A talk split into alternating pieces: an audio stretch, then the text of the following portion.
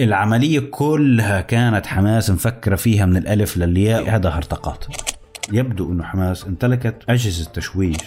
لو محل حماس حزب الله. حزب الله كان في تل أبيب. القوات الإسرائيلية بتتحرك في غزة بجبات مكشوفة. من شو المدني الإسرائيلي فيش مدنيين في إسرائيل. يا حبيبي حماس اللي بتقول مش أنا اللي بقول. أنت عم تبني لهم غابة من الأسمنت المسلح. أنت بتقدرش تشوف فيها. بطخوا طلقة طلقة. وحماس خسرت جزء من القدرة الصاروخية تبعتها. حماس خسرت مناطق. شوف إسرائيل أنهت المهمة اللي هي بدها إياها عسكريا في الشمال. خلقت لإسرائيل رغبة في الوصول للأنفاق بشكل كتير عظيم.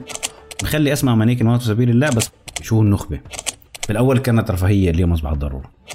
وسبب كبير من إنه الناس بتصدق خطاب أبو عبيدة بتصدق فيديوهات حماس لأنه فيديوهات الإسرائيليين بتخزي.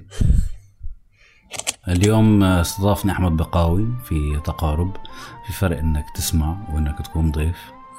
محاور صعب. أنا حمزة العطار. كثير تشرفت أن أكون مع أحمد بقاوي اليوم. محاور كثير حكينا فيها لها علاقة بالعمليات العسكرية في غزة. وابتداء من 7 أكتوبر لحد اليوم. احضروا الحلقة لأنه النقاش كان كثير رائع. شكرا.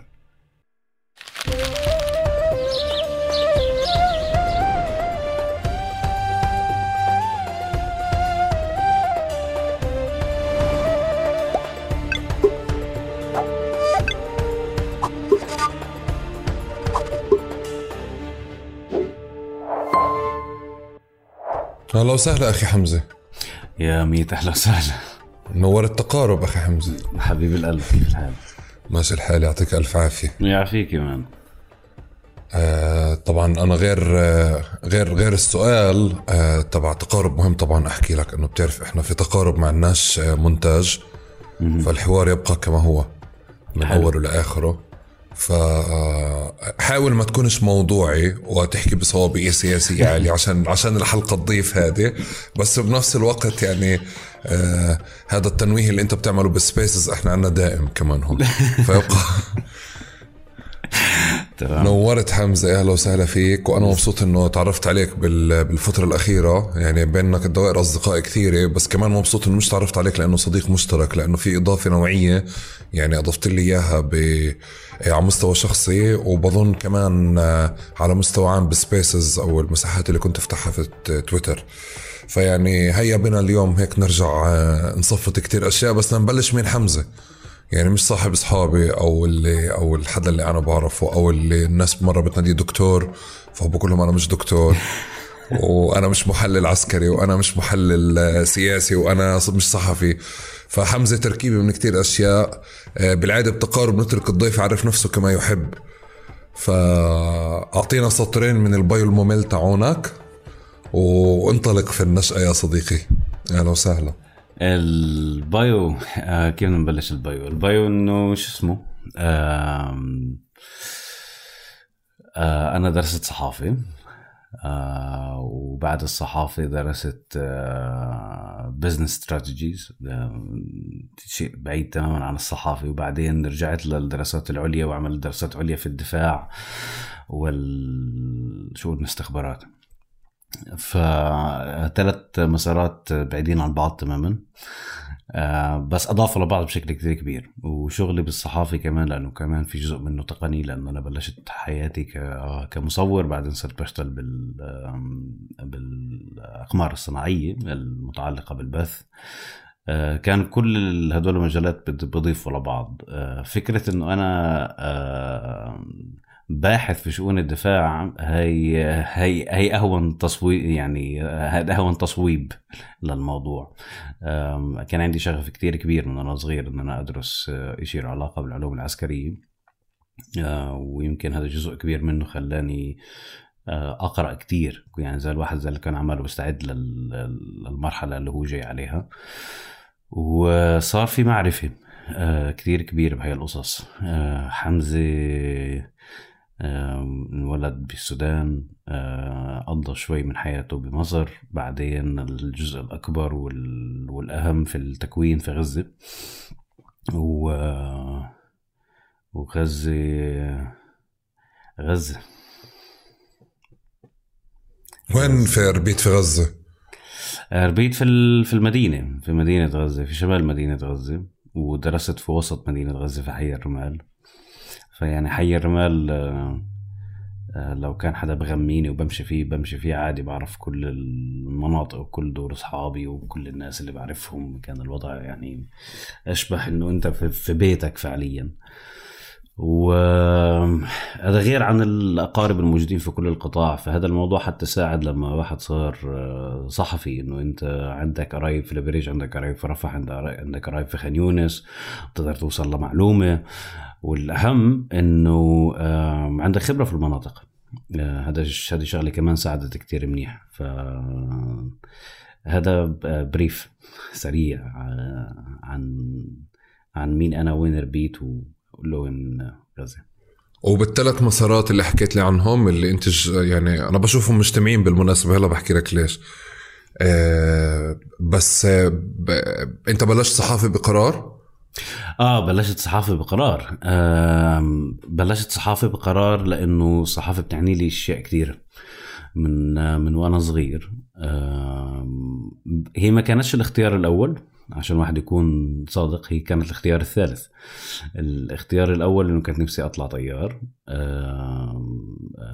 مقاتل بس آه، بس نظارة وأنا صغير فهذا الحلم آه، تدمر آه، مبكرا. ما كانش آه، سيولة ال- الأموال إلها علاقة بأنه آه فيك تعمل ليزك وفيك ترتب وضعك عشان تدخل وهيك يعني. آه الاختيار الثاني إن أنا كنت ادرس علوم عسكرية. و... ولما صارت الانتفاضة بغزة آه موضوع إنك تدرس علوم عسكرية آه لو بدك تروح بعدين فصفى الموضوع شوي آه في نوع من أنواع الحذر. فرحت للصحافه والصحافه ما كانتش ال... ما كانتش الرغبة العلاقه بالصحافة ال- الجامدة. آه، كان لها علاقة بالتصوير كان لها علاقة بال- بالمونتاج العلاقة بهندسة الصوت كل هاي الأشياء. هي أشياء كانت جدا مهمة بالنسبة لي ودرست صحافة في غزة. عمليات يعني أكثر كنت يعني أخذت جانب من آه. الصحافة. آه, والمسار الثاني؟ آه شو قلت لي كان في عندك ثلاث مسارات المسار آه. الأول الصحافة. لا المسار الثالث كانت الصحافة. المسار الأول كان كان أصير طيار المسار الثاني كان أدرس علوم عسكرية. لا لخبطنا هيك إحنا حمزة. نرجع لما قبل هذه. المسار الثالث فعليا اللي هو آه، آه، دراسات الدفاع ودراسات الاستخبارات صح؟ والمسار الأول كان اللي هو الصحافة. في عندك مسار بالنص أنا نسيته فعم برجع أسألك عنه. ما هو هذا اللي حكيت لك إياه. المسار الأول كان انه أنا أطلع طيار. إنه أنا أطلع أنا أدرس كلية حربية آه، طيران. المسار الثاني كان إنه أدرس علوم عسكرية والمسار الثالث إنه أنا أدرس صحافة. Okay. بت- بتعرف إذا في حدث يعني إحنا لو قلنا في space كان في ناس بترد ولا بتعمل emojis هلأ. رح تشوف يعني إنه إنه أنا وأنت ملخبطين في في الموضوع هاي. طب حمزة بمكان تاني بحب أعرف كيف إنه كيف بتحبش يتم تعريفك؟ آه خبير عسكري هاي شغلة بحبهاش لأنه الخبير العسكري وحدا اشتغل في العسكرية 100% أنا بقدرش بقدرش احكي فيها. الناس اللي بتدرس اللي بتبحث في شؤون الدفاع آه هو حدا بيعرف آه شيء عن كل شيء في في العلوم العسكرية. مش معناه إنه هو عنده خبرة ميدانية. في ناس كتير بيكونوا آه الخبراء الميدانيين بعدين بروح بدرسوا في الجامعات بعدين بصير معهم بي اتش دي هذا موضوع تاني مختلف. لكن البحث في العلوم العسكرية هو إن أنت بتعرف جزء منيح آه، عن سلاح الطيران آه، بتعرف جزء منيح عن منظومات الدفاع الجوي بتعرف جزء منيح له علاقه بالدروع بتعرف جزء منيح له علاقه بالتسليح. فكرتك انت لما تكون آه، باحث في شؤون الدفاع انه انت ت connect dots وانه انت تقول مش فكرة إنه ليش آه، بأي عيار تم استهداف هاي الدبابة هو الفكرة إنه ليش يختاروا الدبابة عن المدرعة؟ شو شو البعد السياسي؟ آه، تشبك هذا الموضوع اللي له علاقة بشؤون الدفاع في إنه شو اللي شو البعد الكبير له. خليني أعطيك مثال عشان عشان أنبسط المعلومة. آه، كان في استهداف في شمال غزة للقوات الإسرائيلية. كان في آم، أربع مدرعات إيتان وكان في جبين همر آه، و- وتم استهدافهم بصاروخ كورنت آه، والفكرة إنه أنت لما بتكون باحث في شؤون الدفاع إنه أنت بتقول ليش تم استهداف الهمر مش الإيتان؟ ليش ليش صار الهجوم على الناقلة اللي فيها جند مكشوفين؟ ما راحوش باتجاه انه هن يستهدفوا النقلة الأخرى لأنه في عليها منظومه دفاع لأنه حماس تبحث عن عدد أكبر من القتلى والمصابين الإسرائيليين. هي لا تبحث عن فكرة إنها تضرب مدرعه يمكن تصيب يمكن ما تصيبش. وراح للهدف الأكبر لأنه المنظومة اللي موجودة داخل إسرائيل عندها مشكلة في التعامل مع ال trauma، إسرائيل بتواجه مشكلة كبرى في إنه في عدد كبير من المصابين اللي مبتورين الاطراف، هذه بتسبب ضائقة في المجتمع الإسرائيلي. انه بدك تاخذ كل هاي ال dots وتشبكهم مع بعض هذا هو. هذا هو التعريف. بالأول بالأخر أنا صحفي فيمكن أكثر شيء أنا بحب بحبه هو إنه إنه يتم تعريفي انه أنا صحفي مختص في شؤون الدفاع بس مش كتير ناس بتفضل هذا الموضوع بس إنه بما إنه أنت عملت الدراسة العليا تبعتك في شؤون الدفاع فالأفضل باحث كتير بحب يعني. بس أنا عندي في تقارب راح أعتمد هذا الشيء يعني صحفي مختص بشؤون الدفاع آه. حابب حابب اللي لأنه أصلا أنا بفكر لا أنا كنت آه شكرا الله يخليك. بس أنا كنت بفكر أصلا إنه يعني كثر انشغال الناس بالمسارات العسكرية اللي هو خلفيته عسكرية فقط بتلاقيه بدخل بدور بالإعلام كشؤون معنوية.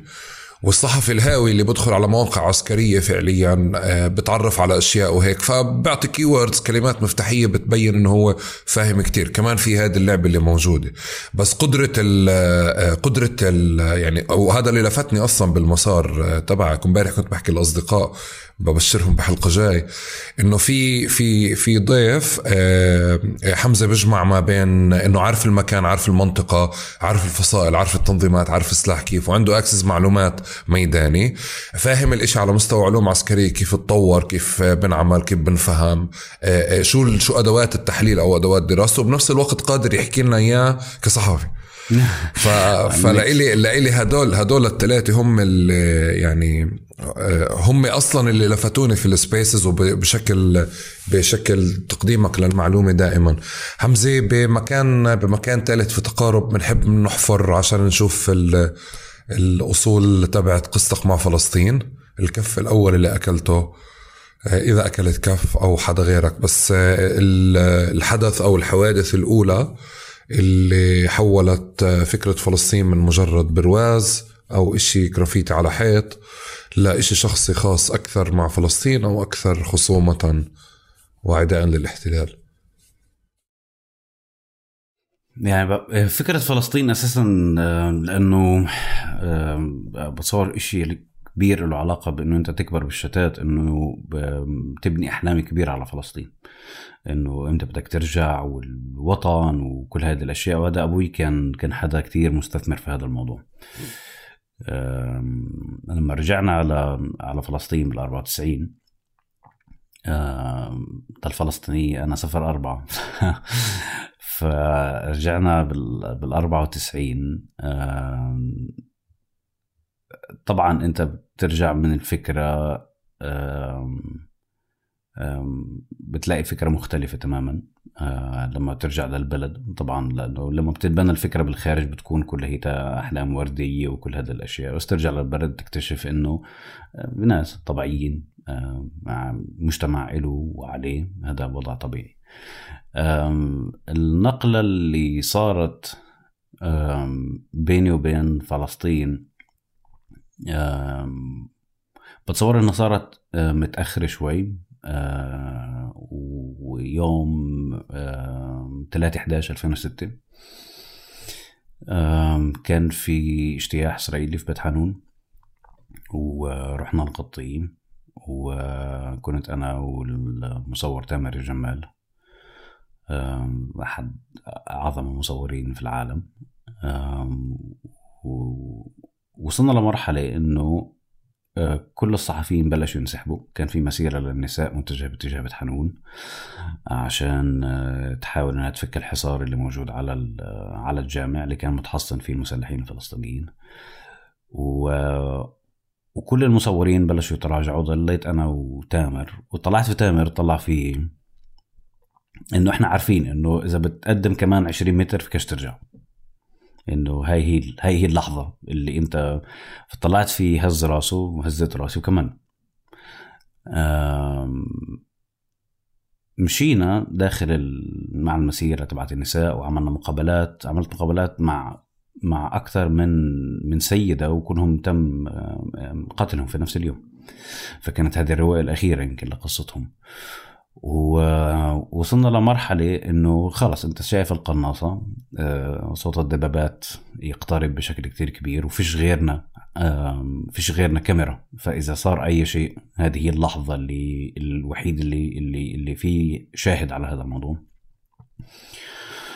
و آم، سبعة ونص الصبح فتحت الدبابة النار على المسيرة.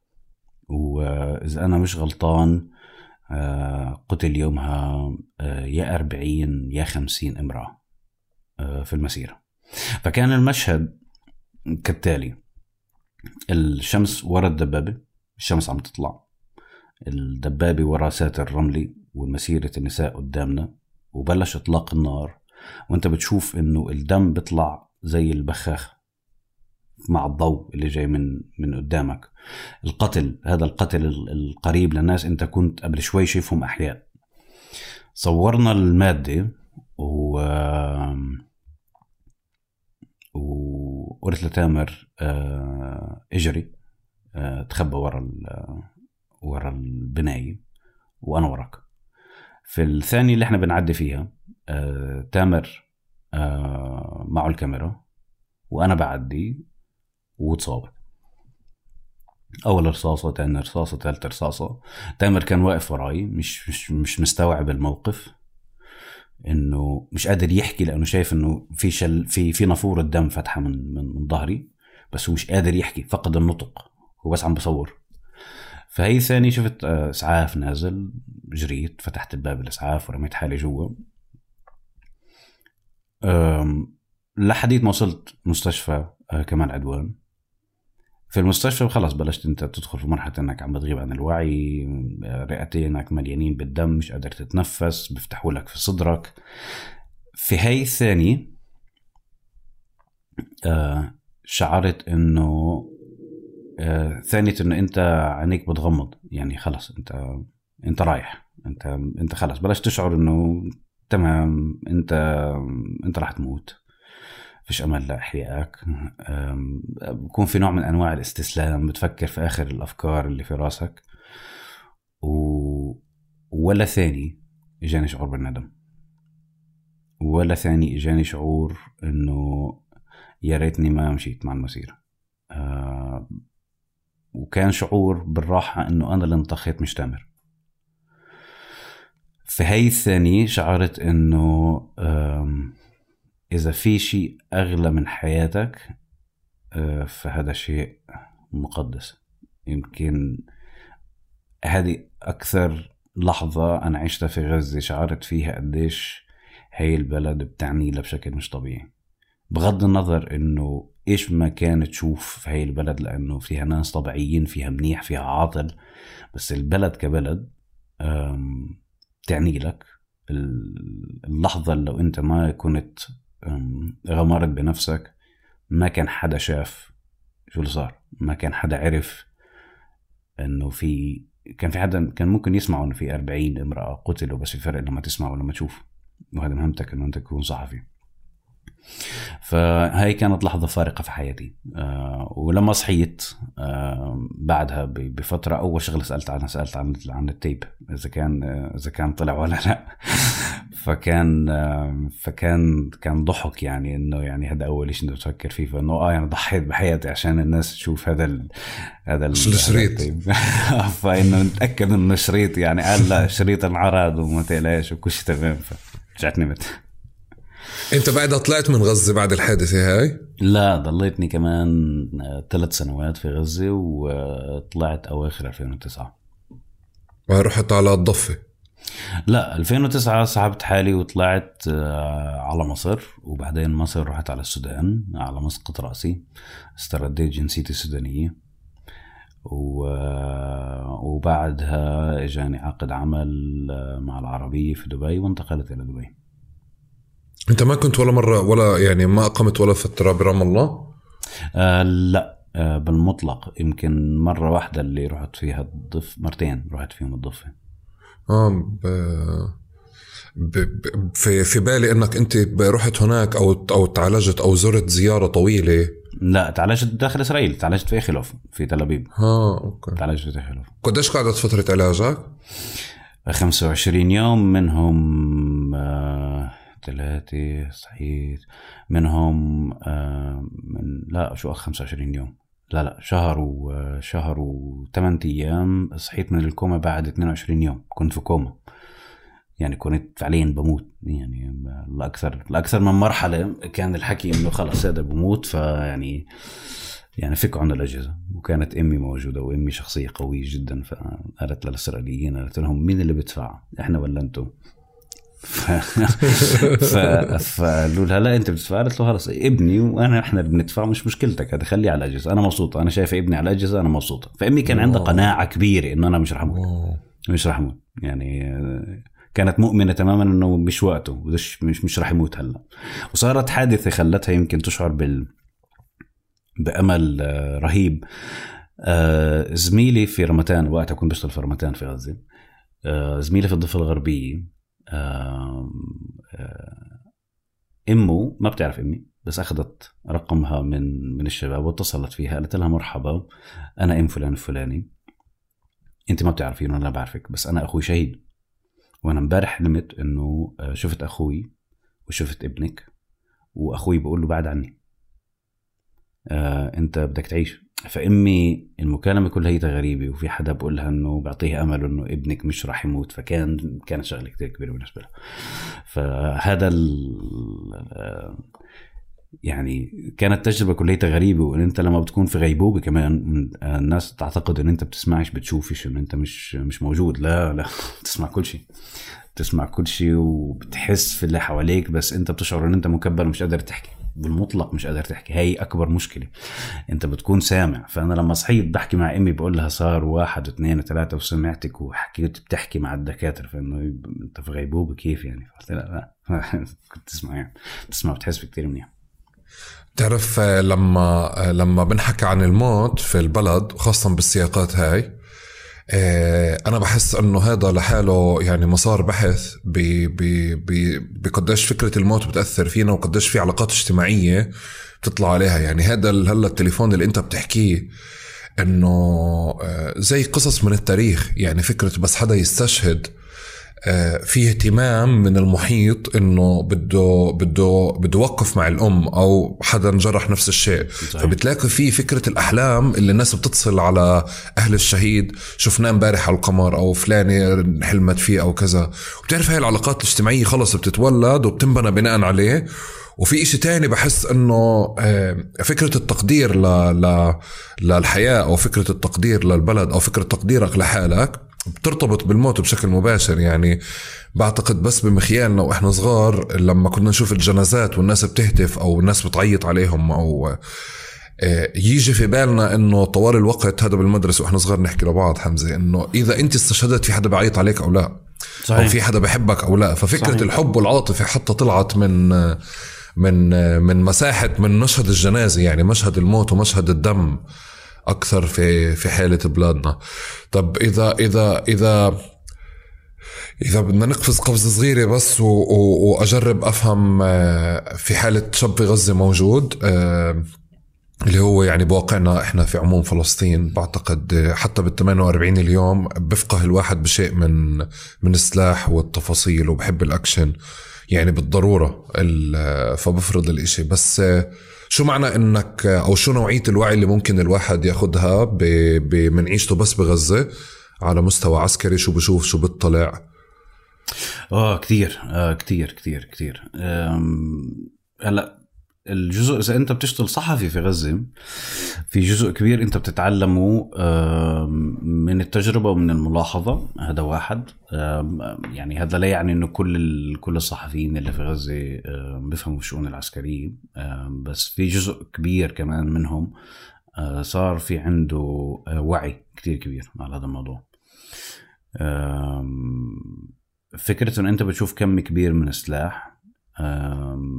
فكرة إنه أنت بتتعرض لمواقف كتيرة بتخلي في لحظات معينة في حياتك أنت بتصير عارف. يعني أعطيك أبسط مثال على هذا الموضوع. الصحفيين اللي بيشتغلوا في ال- في الحروب أه، بيقدر يميز صوت غارة من غارة في إنه في قذيفة ولا فيش قذيفة في قنبلة رح تلقى ولا مش رح تلقى؟ هذه غارة وهمية ولا مش غارة وهمية؟ فبتصير في ملاحظات جدا بسيطة لها علاقة بال بال بال بال بال بالذاكرة اللي موجودة عندك. وهي الذاكرة بت بتساعدك كتير في إن أنت صحة. آه، فهي بتصير تساعدك كثير في الشغلات اللي أنت بتفهمها في في الحياة. آم، هلا إذا أنت بدك تتعمق كصحفي آه، في الشؤون ال- العسكرية بدك تدرس أكثر هذا الموضوع بيرجع لك. بس إحنا مرينا في مرحلة إنه كل الطيارات اللي بتقصف غزة اف 16 وبعدين صار في بعدين صار في وعي إنه لا يعني إسرائيل عندها أكثر من F 16 يعني الموضوع مش بس F 16 عندهم F 15 ف...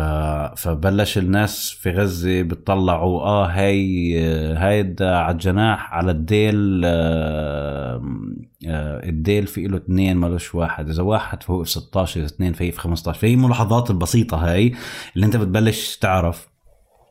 إنه آه ال F 15 بتحمل أكثر من ال F 16 فديروا بالكم يا شباب هي ما خلصتش قصف فهم. يعني بالملاحظات الب... ما لهاش علاقة بالعدد بس لها علاقة بالملاحظة. آه، فكرة إنه زمان آه، طبعا هذا أيام ال آه، بتصور إنه أي شيء صار قبل حرب غزة الأخيرة هو نعتبره أيام أيام القصف اللطيف. بال 2000 و وستة 2007 2008 ال- لما تيجي أباتشي توقف وتقصف آه، بعدين بتغير مكانها بتيجي الأباتشي اللي وراها بتوقف محلها. في هيك زي زي حلقات آه، بتصير. فأنت بتصير عارف إنه أنت لو بدك تجري من مكان لمكان هذه هي الثانية تبعتك. يعني يعني أنت أنت عندك خمس ست ثواني لحديت ما هم يغيروا بوزيشن تبعهم عشان أنت كصحفي تجري من مكان لمكان عشان ما تصفيش أنت في وجه ال- ال- ال- القصف.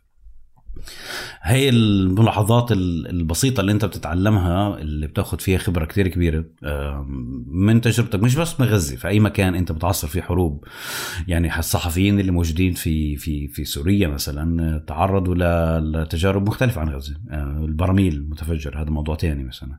اللي في غزة تعرضوا على تعرضوا للقصف اللي هدم المباني السياسي تبعت هدم المباني. تقدم الآليات آه، صوت الأسلحة. يعني هاي شغلة معروفة.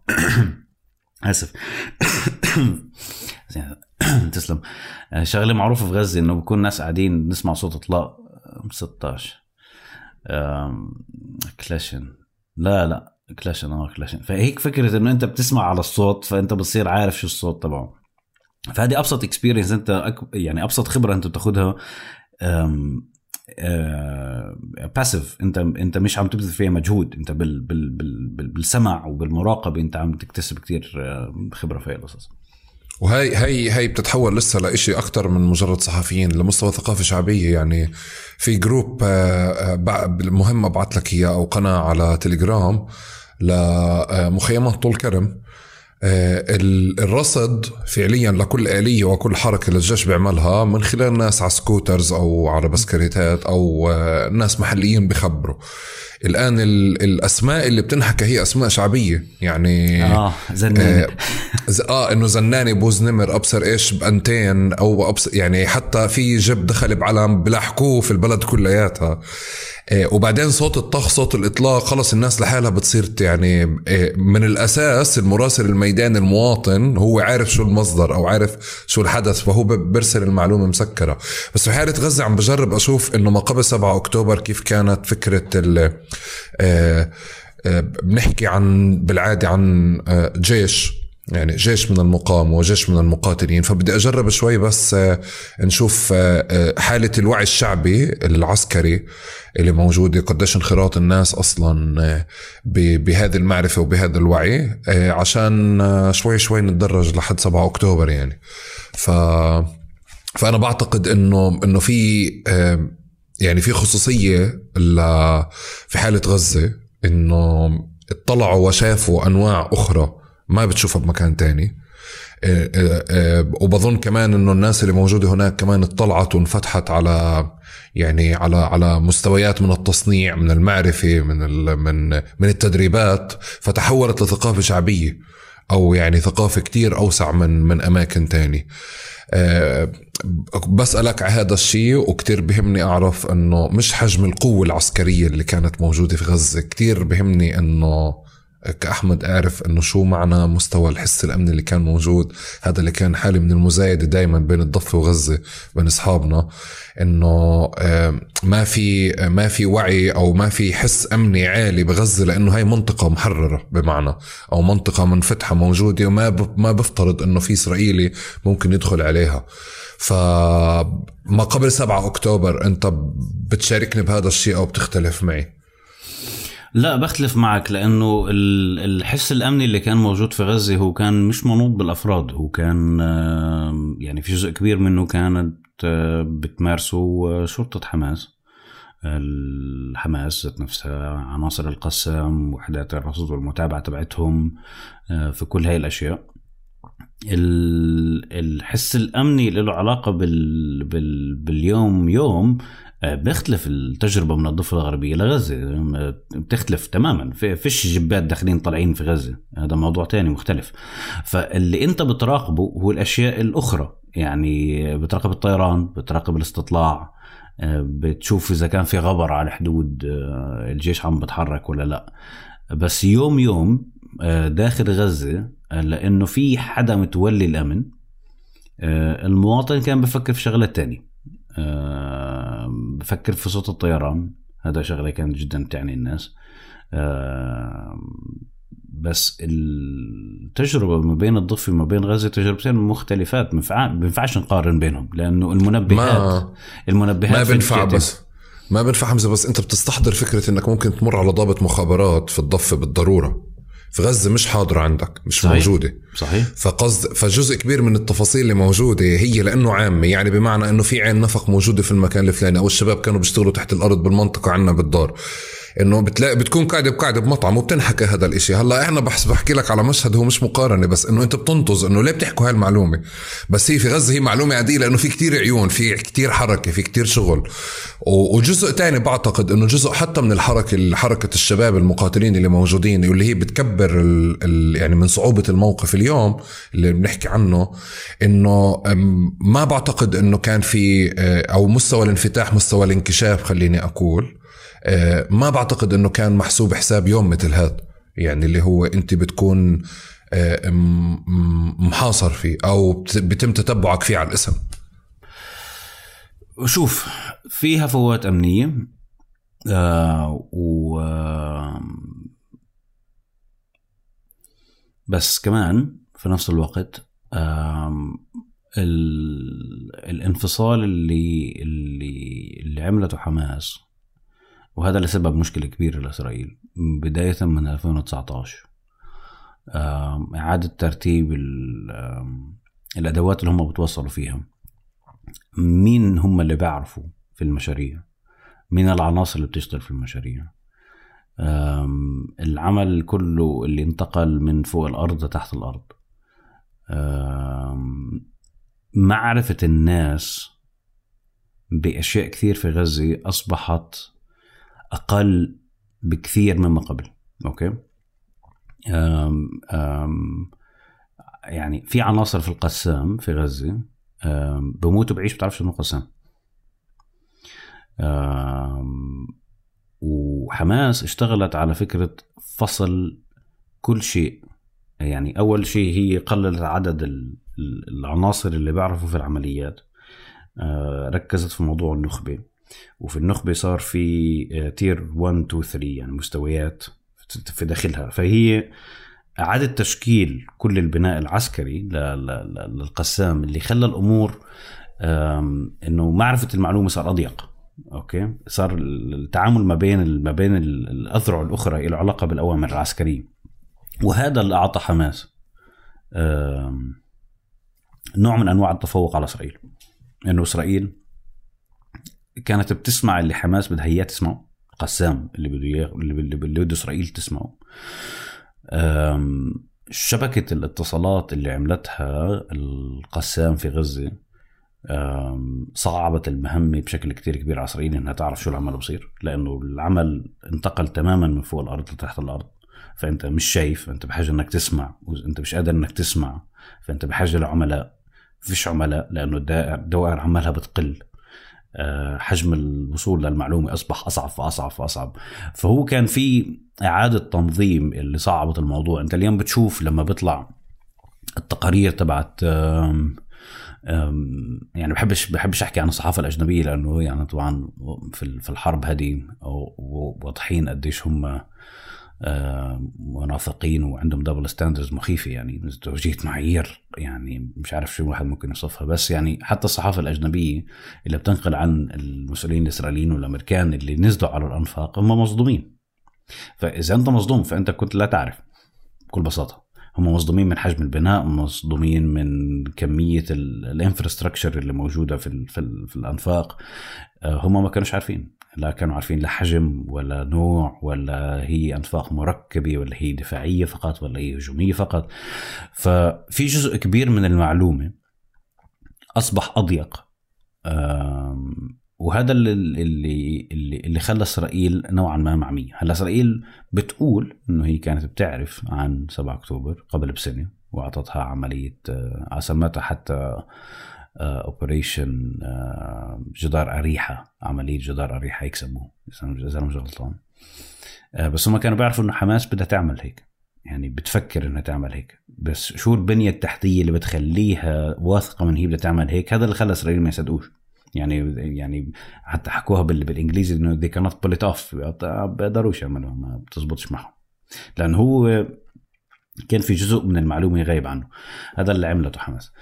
اللي بدل على فكرة صعوبة الوصول لمعلومة هي فكرة إنه إسرائيل اضطرت في مرحلة من المراحل. إذا أنا مش غلطان ب 2017 إنها تدخل آه، وحدة اندر كفر تشتغل في خان يونس عشان توصل لمعلومة عشان تقدر توصل للكاميرات اللي موجودة في مناطق معينة. وصار الاشتباك آه، يومها من مسافة صفر مع آه، نائب قائد آه، لواء خان يونس. وقتل في هذه العملية والإسرائيليين نجوا بأعجوبة واضطروا أنهم يقصفوا الآلية الفولكس فاجن ال Transport اللي كانوا داخلين فيها. فهم كان في نوع من أنواع ال- إنه هن راح يموتوا على معلومة مش قادرين يحصلوها لا من الجو صحيح. صحيح. ولا ولا من أي مكان تاني. فأنت إذا أنت بتروح لعملية بتدخل فيها أفراد من ال- ال- القوات المستعربين تبعتك أو القوات الخاصة تبعتك على مكان hostile environment منطقة عدو تام أنت ما عندكش أي طريقة إنك تخليهم. يعني هذه عملية صعبة وبتدخل شاب وامرأة أو شابين وامرأة عشان تبين إنه هذا باص عائلي وكل هذا التدابير أنت عم بتموت على معلومة أنت مش قادر تحصلها. اللي أنت قادر تحصله ما بتعملش هي المعلومة. أنا اذا أنا إذا قادر أرفع تليفون وأحكي وأحكي مع أحمد وأعرف منه معلومة مش هروح أسأل كل اللي حواليه. فهي فكرة إنه هذا اللي عملوه الإسرائيليين. ال... ال... الشغله الثانية وهذا اللي اللي, اللي واضح أم، جزء كبير من المسؤولية الأمنية اللي بتخلي الناس تقلق في كتير شغلات في غزة اللي مش متعلقة لأنه فيش زي ما حكينا فيش فيش جيش بدخل كل يوم. فالحذر الأمني تبعك اللي له علاقة بالغريب شوي أقل بس بنفس الوقت أنت زي نوع أنواع إنه أنت راكن إنه في حدا بيعمل هاي المهمة. في حدا في حدا شغال counter intelligence okay؟ في حدا شغال آه، في حدا شغال داير باله على هذا الموضوع. كل غزة بتعرف إنه في وحده رصد ومتابعه لكل الفصائل الفلسطينية موجوده على كل حدود قاعدة 24 ساعة 365 يوم. براقبوا كل شيء. على لو نملة اتحركت جوا إسرائيل بتسمعها. و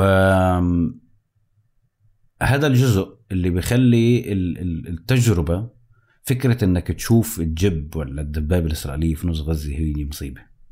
لأنه هذا مشهد إحنا مش متعودين عليه. لأنه مشهد صادم. هذا فكرة إنه أنت تشوف القوات الإسرائيلية بتتحرك في غزة بجبات مكشوفة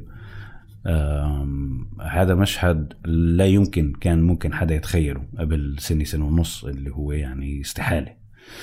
وهو كمان شيء آه، عشان واحد يكون آه، آه، منطقي كان مش ممكن يصير إلا, إلا إذا كانت إسرائيل تمتلك سلاح جو قادر على أنه يقصف غزة ويعمل كل هذا الدمار اللي عملته. لو كانت لو كانت المعارك على الأرض فقط إحنا كنا في في منطقة تانية كنا بنحكي في حديث تماما مختلف. في هذه المرحلة. نعم. طب آه، آه، عسكريا وهيك بشكل موضوعي كثير من غير مبالغات ومن غير أرجوك يعني من غير مبالغات فلسطينية ولا إسرائيلية.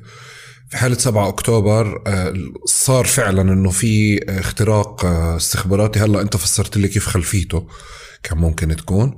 بس كمان شو مقومات يوم 7 أكتوبر العسكرية اللي خلت الحدث يصير؟ يعني لحد فكرة أنك أنت بدك تضرب وحدة غزة أو فرقة غزة عفوا بعشر نقاط لها على ما أعتقد آه، موزعة.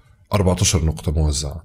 شو اللي بأهلك إنه أنت تعمل هذا الحدث؟ ووين جاي أهميته العسكرية؟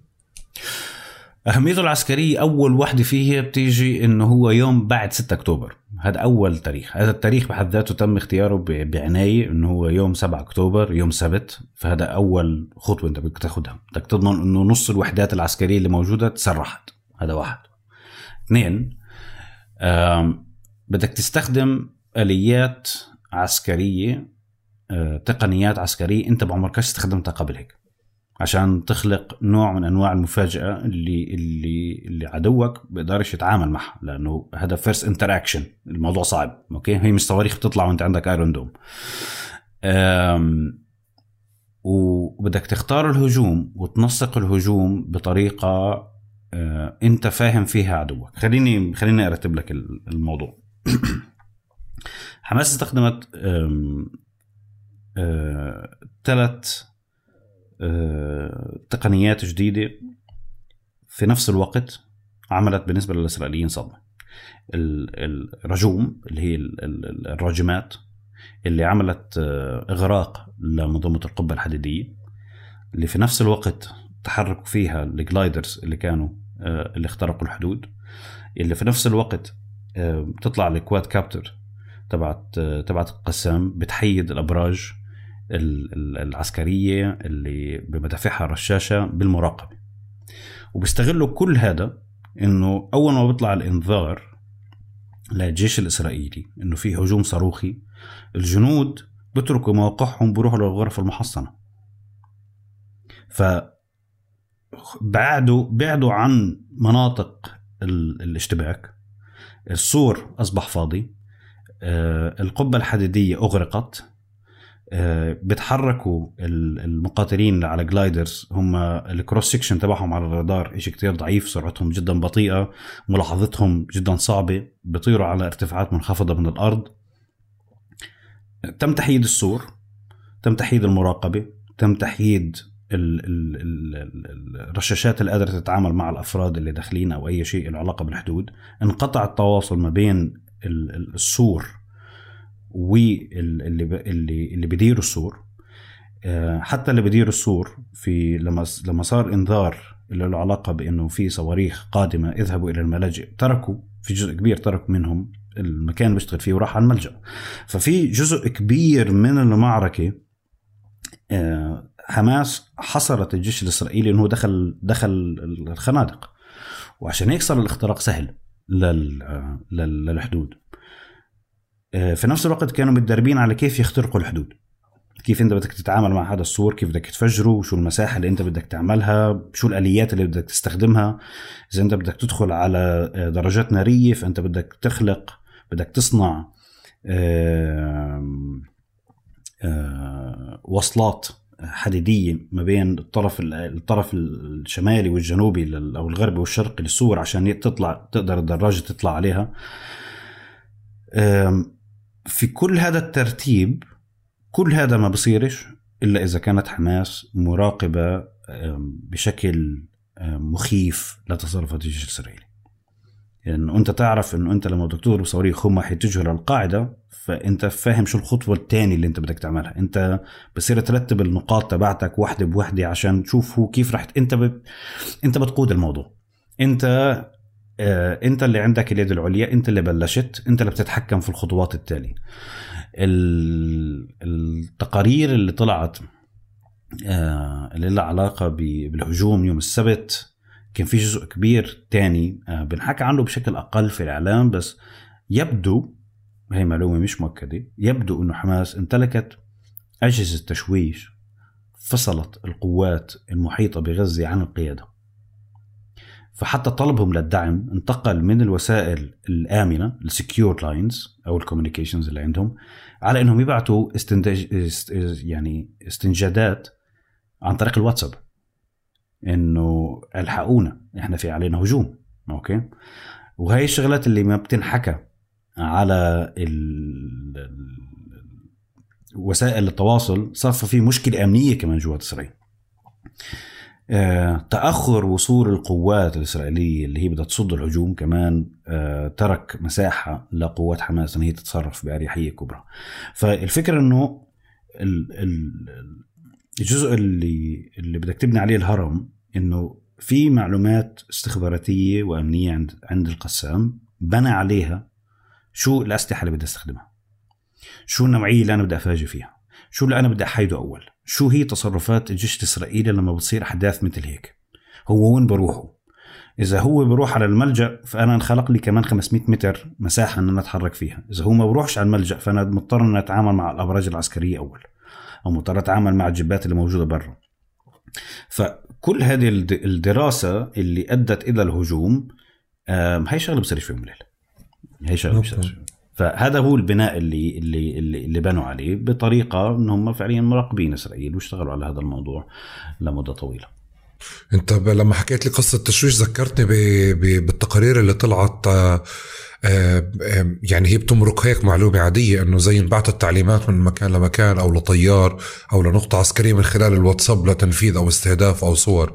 ف فبفهم بفهم التفسير اللي عم بتقوله. آه، من من من كمان نكمل حمزة أهمية ال أهمية اليوم أهمية الحدث أو أهمية نتائجه عسكريا لفرقة غزة تحديدا.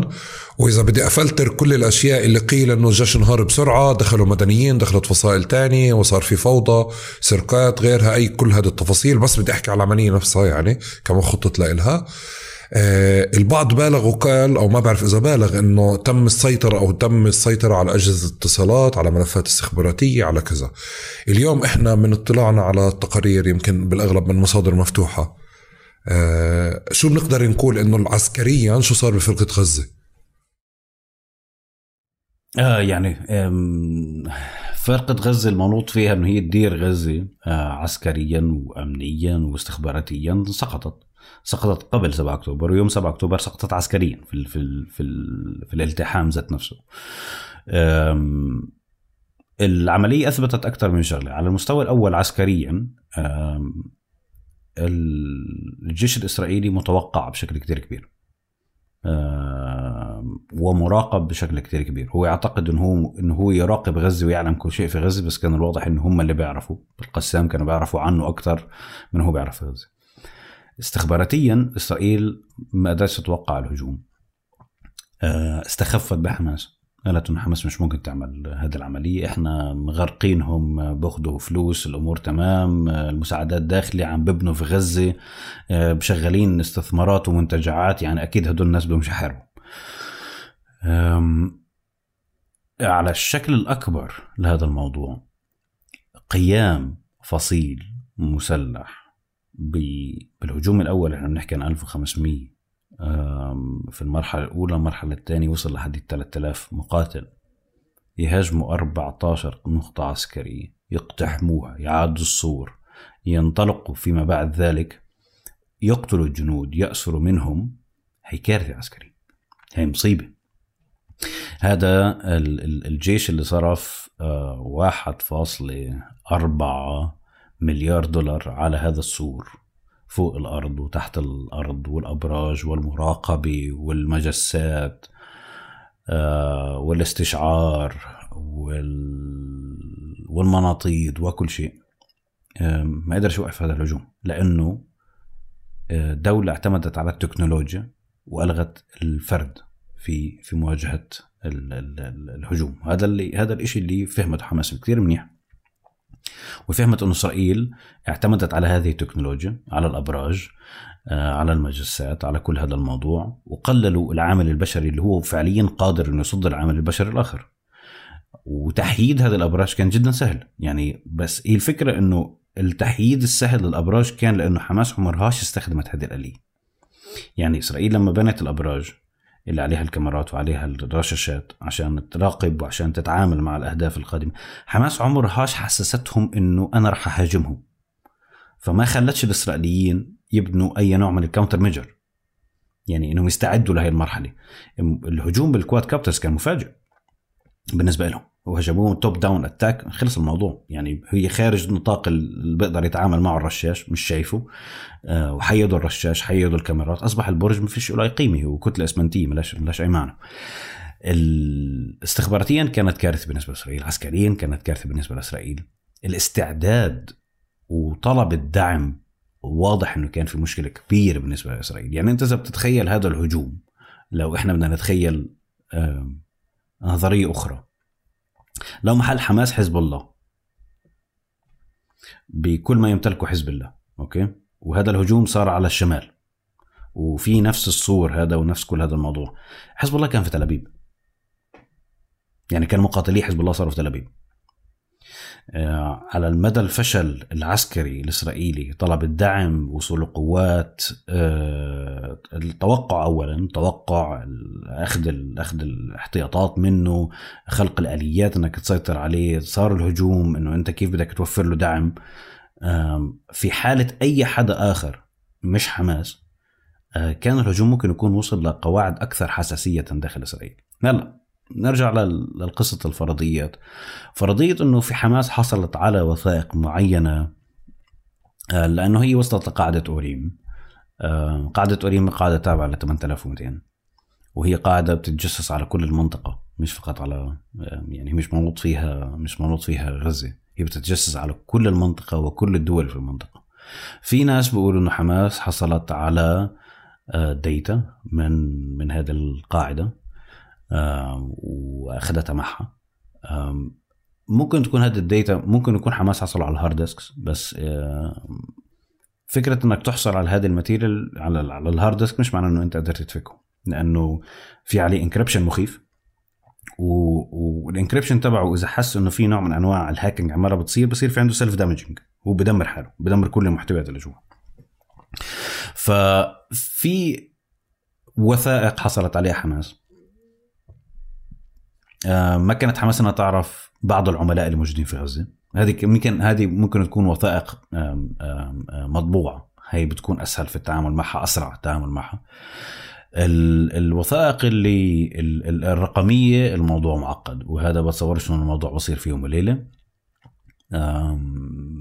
في عباقرة موجودين في في آه، مهندسين كمبيوتر وموجودين عند عند حماس. السايبر آه، الجناح السبراني تبع حماس جناح قوي بيقدر يخترق يعني مدير يقدر يخترق لابتوب مدير الأمن السبراني في ال IAI في ال Israeli Aerospace Industries فيعني يعني ابنك سرق عربية رئيس قسم مكافحة سرقه العربيات. فيعني بهاي بهاي الكارثة. فهم عندهم الخبرة إن هم يحاولوا في هذا الموضوع. مش معروف إذا كان بيقدروا ولا لا إنهم يفكوا ال encryption اللي موجود. لأن هي بتكون عملية معقدة جدا. لكن لو حماس قدرت إنه هي تفك ال encryption وتعرف محتوى ال hard disks اللي هم حصلوا عليها اللي موجود عليها مواد بتراقب المنطقة كليتها. حماس ربما تمتلك أوراق ضغط أكثر من اللي إحنا بنعرف فيها.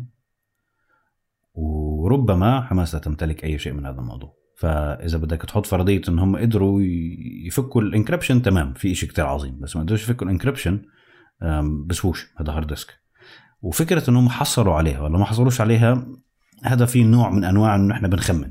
فالتخمين آه. آه بصفي إنه هو مش شيء مش مش منطقي إنه نحطه على الطاولة أساسا. انه أي حدا كان بيحاول يحكي في هذا الموضوع في السبيسز كنت بحاول إنه ما جاوبش عليه. لأنه بصفي بدنا نخمن وتقول للناس إنه آه في أشياء عظيمة قادمة. أنا بعرفش يعني ولا أنا بعرف ولا أنت بتعرف. بس إذا بدنا نحلل الفرضية ذات نفسها آه بنحلل الفرضية. هذه طب حمزة بالنظر للنتائج اللي إحنا شايفينها اليوم آه، شو بنقدر نحكي عن أهداف 7 آه، أكتوبر؟ يعني بمعنى كان واضح الاختطاف تصفية واغتيال آه، أخذ معلومات. بس اليوم بالنتائج اللي موجودة أنت شو بتقدر تقول آه، يعني نصفتهم نقاط؟ هي حماس شو كان بدها من 7 أكتوبر؟ في اعتقادي إنه حماس كانت بتبحث على إنه هي تدمر الوضع الراهن اللي كان موجود يوم 6 أكتوبر بالليل. إنه فكرة إنه الفلسطينية أم، موجودين في المنطقة بس بناخدش في رايهم كتير بنجبرهم على أشياء. بس هذا سياسي حمزة. صحيح. إذا السياسة بدنا نحكي عسكري. هو السياسة لها علاقة بينهم. هاي العملية العسكرية بتصيرش إلا إذا أنت بدك توصل لسياسي. لا بعرف. يعني وأنت بتعرف إنه أنا بعرف. بس عم بسال عم بسأل بشكل واضح لأنه هذا انحكى فيه كتير. وأنا برأيي تحللت المعركة كتير سياسيا. تمام؟ ولكن ال- الحجم المنجزات اللي إحنا نشوفها بشكل موضوعي اللي مجنن إسرائيل جننتها بحتاج أخذها بنقاط هيك يعني. جزء منها هلأ أنا معك عم باخذ حجم الاختراق لما فصلت لي إياه. يعني وصلني حجم الاختراق اللي كان موجود أكثر من فكرة مجرد إنه آه، فشل مراقبة. يعني هو مش فشل مراقبة. فعم بجرب من هون أفهم. لا لا فشل فشل أكبر من هيك. اللي اللي قهر إسرائيل حجم ال- القتلى الكبير من الجيش يوم 7 أكتوبر اللي قهر إسرائيل إنه 7 أكتوبر أساسا صار. إنه إنه يصير هذا الاقتحام آه، على 14 موقع عسكري في نفس الثانية في نفس الوقت. اللي قهر اسرائيل انه هي ما عندهاش معلومات استخباراتية كافية. اللي قهر اسرائيل انه حماس كانت بتحد كانت أعدت خطة إن هي تدخل جوا إسرائيل. آه، في عندها خلايا كانت مكلفة إنها تبقى ثلاث واربع أيام عشان يأخروا أي نوع من أنواع الهجوم الاسرائيلي على غزة. يعني يخلوا الاسرائيليين مشغولين بتأمين الجبهة الداخلية لأنه هي فيها كارثة.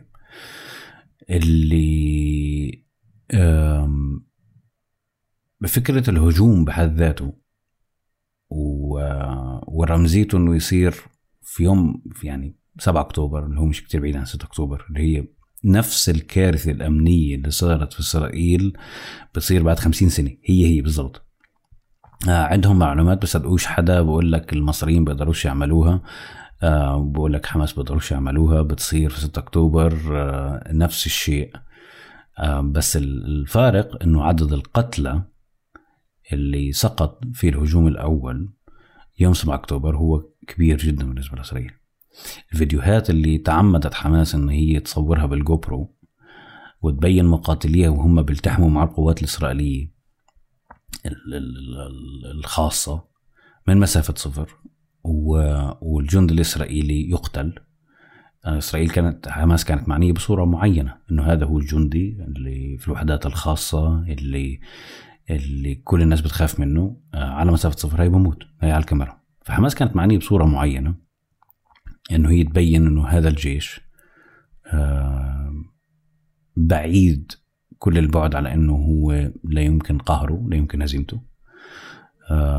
الفكرة إنه أنت آه، تشتغل بطريقة معينة. يحيى السنوار ب... لما كان داخل السجون الإسرائيلية عمل معه مقابلة آه، يورم بنور آه، مراسل إسرائيلي في القناة الثانية وقتها كانت قبل ما تصير 12 و ويحيى السنوار وقتها قال له إحنا عارفين إن إحنا ما بنقدرش نهزم إسرائيل. بس إحنا عارفين إن إحنا بنقدر نأذي إسرائيل. فهذه هي ال- ال- الفكرة اللي أنت بتروح من يعني هذا هو البوليسي. أنا أنا بقدرش أهزمك بس أنا بقدر اذيك فأنا بدي أدور على شو نوع الأذية اللي أنا بدي أذيك إياها. أنا بقدر أذيك إنه أهجم على على موقع ولا اثنين بس في فرق إنه أهجم على 14 في فرق- في فرق لما أنا بلغي الحدود. فرق لما أنا بدخل بفتح الحدود بالجرافات. في فرق لما أنا بقضي على فرقة غزة. في فرق لما أنا باخذ اسرى من من الجيش وبروح فيهم. في فرق لما أنا بصور دبابتك اللي أنت تتفاخر فيها قدام العالم وهي محروقة. آه، في فرق لما أنا بصور صورة إنه أنا داخل جايب الجندي من جوا من جوا الدبابة وبصوره إنه هو يسقط ارضا. حماس كانت تبحث عن الصورة وأخذت الصورة اللي بداية. عسكريا يوم 7 أكتوبر حماس انتصرت اللي صار آه عسكريا آه اللي صار ما بعد السيطرة على المواقع ترك الحدود مفتوحة هو اللي خلى حماس تدفع ثمن كثير كبير. okay. آه آه على مستوى على مستوى الجيوش على مستوى الدراسات الأمنية عم تحكي ب ب بهزيمة باختراق يعني شو الوصف الموضوعي لشو صار بالجيش الإسرائيلي في يوم 7 أكتوبر؟ اختراق هزيمة هي ضربة ضربة. هي ضربة قوية. it's big big blow لأنه الجيش الإسرائيلي قدر يسيطر على الموضوع بس آه، هي لا تصنف على إنه هزيمة لأنه يعني هذه جولة من المعركة. يعني المعركة بلشت بهذه الجولة بس الهزيمة المطلقة بتكونش بهذا الموضوع. لكن إذا بدك تحللها في موازين الربح والخسارة الانتصار والهزيمة ما بين الجيوش التقليدية وما بين الميليشيات المسلحة آه، فهو انتصار للميليشيات المسلحة.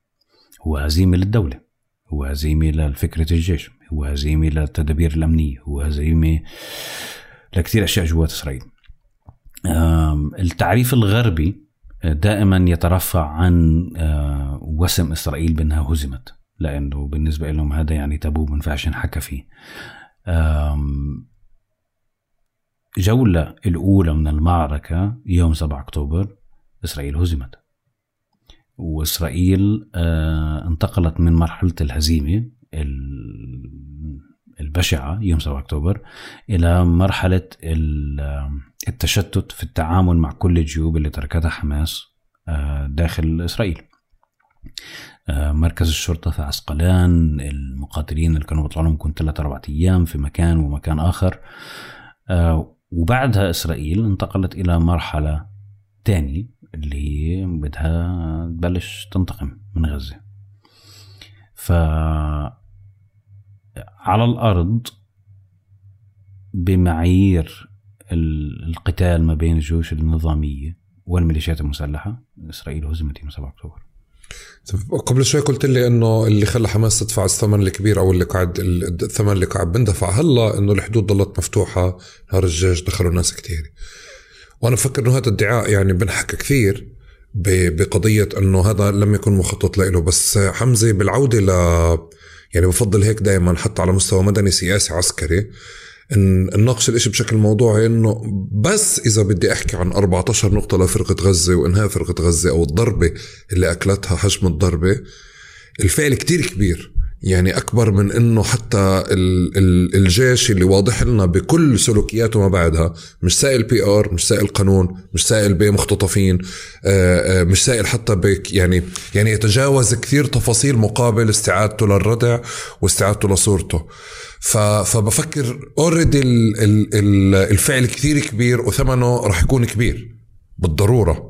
اللي هو قضية الدخول ل 14 غزة. يمكن فعليا الحدث اللي صار بعده أو غالبية التفاصيل اللي صارت بعدها آه، بعتقد إنه أعطت شرعية لأنه صار في صورة لأنه صار في فوضى لأنه صار في إشي غير منظم اللي أوحى أو قوى الناراتيف أو رواية إسرائيل للحدث. ولكن فعليا مش ما غيرش كتير. لا مش شرعية مش شرعية مش شرعية. ما أعطاش ما أعطاش شرعية أعطى إسرائيل آه، آه، نقطة تتمسك فيها. وتروج لها شوف إسرائيل يوم 7 أكتوبر العصر شو كان شو بإمكانها تحكي؟ شو روايتها طلع أنا أنا هاي الحلقة أنا هاي الحلقة خايف منها فمهم انوه إنه شرعية بين قوسين. إذا شو شو شو شو شو تمتلك إسرائيل رواية يوم 7 أكتوبر العصر؟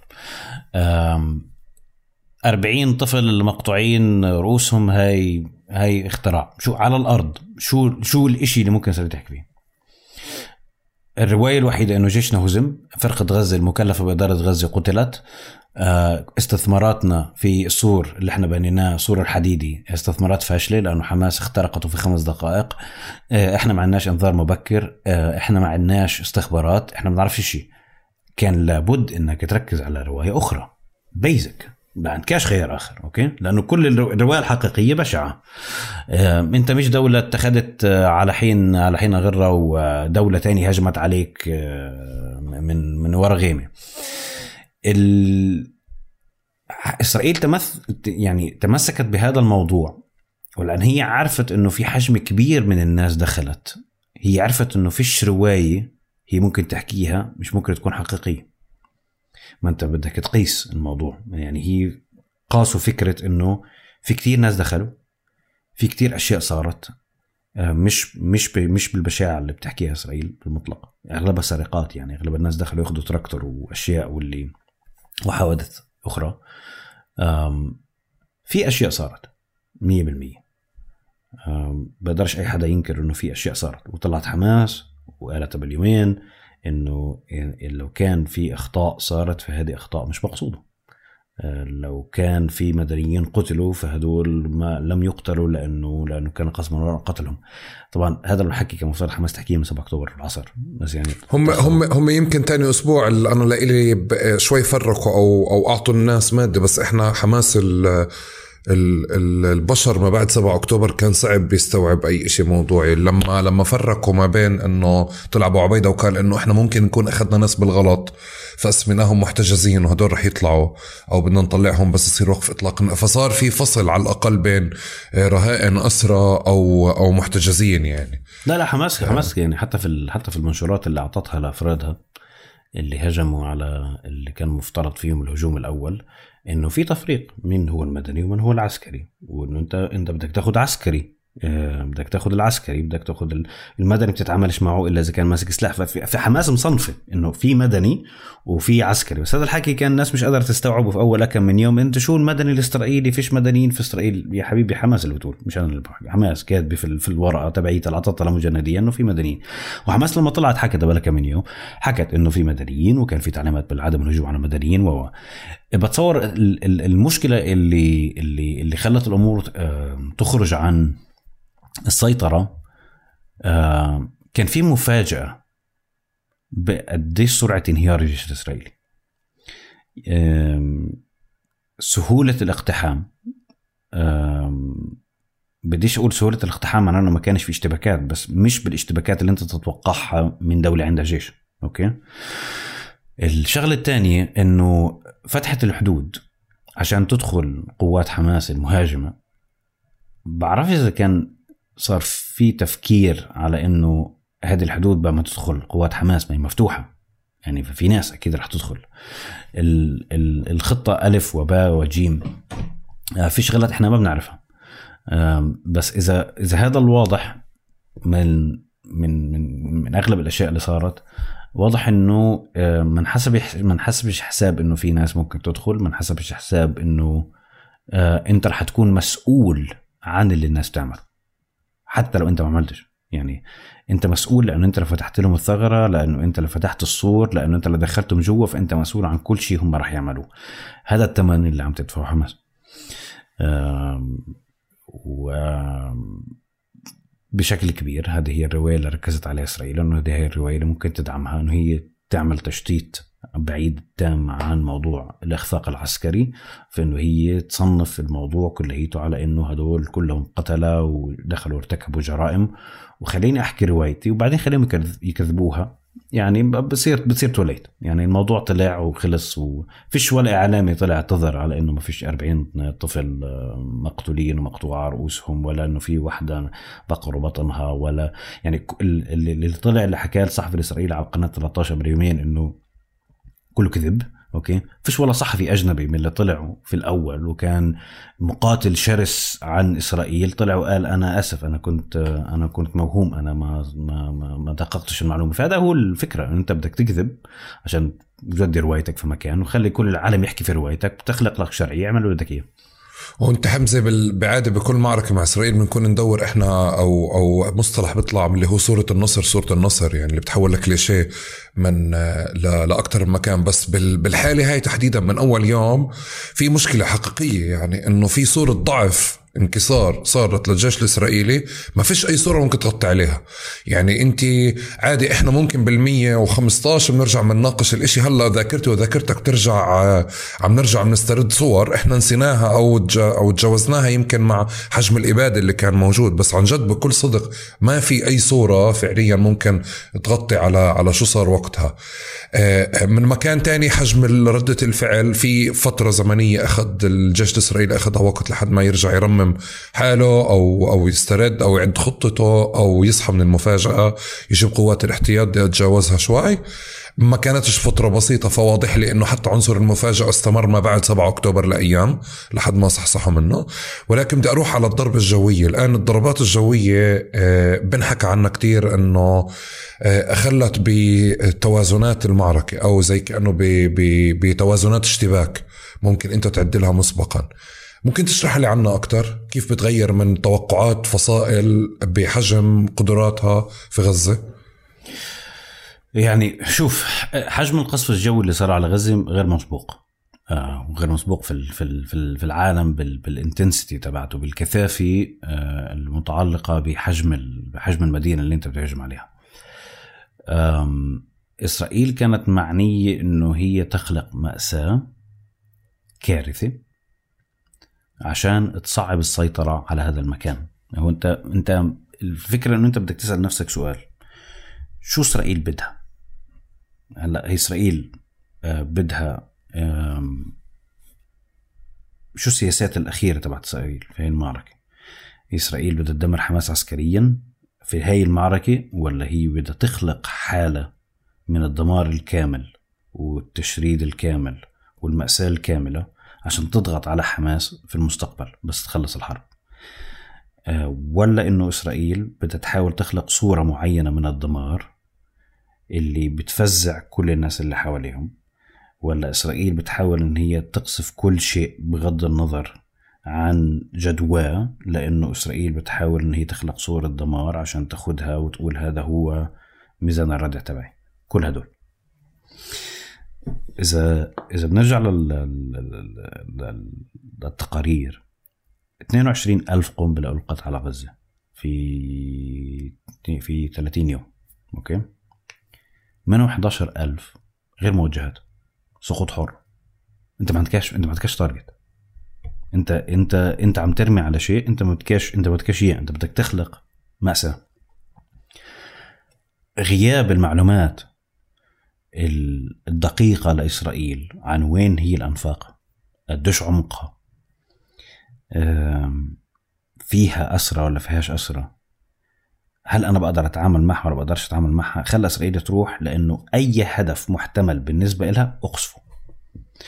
وفكرة اعتماد إسرائيل على ال Gospel اللي هو ال platform اللي بنته اللي له علاقة بتوقع الأهداف العسكرية بناء على الذكاء الاصطناعي لأنه بيجمع المعلومات data من ال signal intelligence من ال human intelligence من ال visual intelligence من ال imaging intelligence بيجمعهم كلياتهم. بعدين ببلش يتوقع الأهداف. حجم القصف اللي صار في غزة كان له علاقة أقصف كل شيء بعدين شوف شو النتائج تبعته. آه، خلينا نشوف شو بده يصير. اخلق مأساة خلي الناس ترحل اخلق لنفسك منطقة أنت بدك تصنع فيها عمليات عسكرية عميقة. إسرائيل ما كانش تقدر تدخل غزة من دون القصف اللي عملته غزة. ولا يمكن. بالمطلق. لو إسرائيل ما عملتش نفس القصف اللي عملته في غزة لو دخلت بقوات برية زيها زي حرب 2008 2009 خلينا نفترض كان عدد قتلى الجيش الإسرائيلي اليوم يمكن يكون 1000 1500 إذا ما كانش أكثر من هيك. ف هم هم حمزة راحوا باتجاه خيار مسح المنطقة. أنا بعرف اللي هو زيادة الأزمة زيادة الكذا. بس في بالي بنفع أفكر إنه كان في نقاط على سبيل المثال مثلا نقاط دفاع نقاط هجوم كان في مخازن كان في آه، آه، آه، عيون عيون عفوا عيون أنفاق. وهذه منتشرة بعموم غزة. يعني بالضرورة هيك الإشي. راحوا باتجاه لأنه من من عجزهم من عدم معرفتهم ومن عدم قدرتهم للاستعداد لدخول بري مثل اللي انت بتقول عنه. بقدر أقول إنهم راحوا باتجاه مسح كل كل المربعات. يعني كل منطقة ممكن يكون فيها شبهة مسحها بمن فيها. صحيح. هذا هو هذا هو هذا هو اللي لجأوا له هلا شوف موضوع عيون الأنفاق كمان كان صعب على إسرائيل لأنه إسرائيل أغلب العيون الأنفاق اللي هي وجدتها اللي هي الأنفاق الدفاعية اللي إحنا بنحكي عنها وجدتها بالصدفة. أو آه، عمليات أدت العمليات على الأرض مش من السماء مش مش مش بناء على معلومات استخباراتية سابقة. وجدوها لما صاروا على الأرض. ففي نقاط انضربت عشان في حي الرمال قصف بالشكل اللي قصف فيه عشان يبين من أول الحرب إنه فيش منطقة في غزة لن يتم قصفها. إحنا بلشنا من حي الرمال. هذا statement هذه أول statement okay؟ فعسكريا إسرائيل لجأت لكل هذا القصف لأنه لأنه كان مبني في احتمالات كبيره له مبنية عن عن طريق ال Gospel، ال Gospel توقع إنه بناء على كل المعلومات اللي هو حصدها وعملها عملها analysis إنه في مواقع في هذه المناطق يقصفها. بس هذا مش معناه إنه كل المواقع اللي انقصفت لأنه في عليها أشياء. هم كان كجزء منه له علاقة بالدمار الشامل وإنك تخلق هذا الدمار الشامل. وإنه أنت بدك تكثف القصف في كل المكان to keep them moving هذه انت كل ما بتكثف ال- ال- القصف في منطقة معينة انت بتخلي عدوك مجبر عن إنه يضل يتحرك. أوكي؟ إذا كان في في الأنفاق وتضررت فأنت رح تطلعه برات الأنفاق. إذا كان برات الأنفاق حت حتضطر إنه هو يدخل جوا الأنفاق. فهذا جزء له علاقه بالتكتيك العسكري ان أنت خليهم يضلوا يتحركوا. يخلي يكون في نوع من أنواع ال intelligence noise الضوضاء ال- للعلاقة بالاستخبارات مكالمة من هون مكالمة من هون رسالة واتساب من هون معلومة بتقدر تحصلها عن طريق اعتراض مكالمة شغلة انت بصير تضرب في مكان عشان تشوف بعد ضربتك لهذا المكان شو صار هل زادت المكالمات في هذه المنطقة؟ هل قلت المكالمات في هذه المنطقة؟ هل في منطقة أخرى اختفت المكالمات تماما؟ هل هدول الناس ماتوا فبطلوا يتصلوا؟ أنت بتصير try error بس مكلف جدا. يعني ب- بتقتل ناس عدد كبير من الناس. أنت مش فارق معك. آه، بس لأن أنت بتحاول أنك تحصل على هذا النوع من أنواع ال noise ولأنه أنت أعمى. أنت لو بتشوف بتعملهاش. أوكي بعدين دخلنا إحنا بسياق ال- ال- التدخل البري. آه، آه، فترة زمنية طويلة وإحنا بنتوقعه. يعني بدي أجرب أخلي ال- الحالة المعنوية والشؤون المعنوية والإعلامية لآخر الحوار أنا وياك. لأنه بخلينا نفهم بالأول وبعدين بنحلله لأنه رح نشوف بآخر الحوار يمكن حجم الكارثة أو حجم الخلل اللي إحنا كنا فيه. بس إحنا ب... ب... يعني أنا فجأة كان عندي شعور إنه أنا ما بتمنى التدخل البري أنا ما بدي إياه. وصرت أشعر بحالي نشاز. إنه التدخل البري يعني مشكلة يعني كمان مشكلة إضافية بحد ذاتها. الآن ال... ال... التوقعات اللي كانت تطالع على مستوى شعبي إنه تعالوا عنا على منطقتنا عشان آه آه رح تدوكوا الويل. مرة بعد مرة مرة بعد مرة في شعور يمكن اليوم بنفع هيك نحكيه بشكل واضح إنه زي آه، نكسات صغيرة كانت تكون. ما بعتقد نتيجة خلل ميداني عسكري بس بقدر ما أنه الجاب مرة تانية الموجود ما بين الإعلام ما بين الش- الشيء المعنوي وما بين الإشي الميداني اللي على الأرض. ولكن كنا نتفاجأ بأنه وصلوا لهون. وصلوا لهون. وصلوا لهون. وبعدين تعرف انشغلنا في حينها في صورة النصر.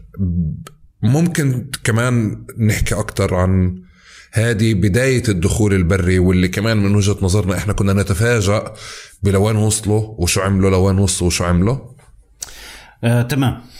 آم، الهجوم البري عشان يبلش أخذ إسرائيل آه، أكثر من 20 يوم عشان تحضر آه، قوات ال- ال- البرية آه، استعداد الكفاءة العسكرية لأنه كانت غايبة عنهم استعداد الجهوزية القتالية لأنه كمان كانت غايبة عنهم. آه، كان في بعض الوحدات عم تتدرب على سيناريوهات معينة فلازم كان تضلك مكمل بعملية القصف الجوي عشان تخلق لي آه، متنفس إن أنا أكمل تدريبي.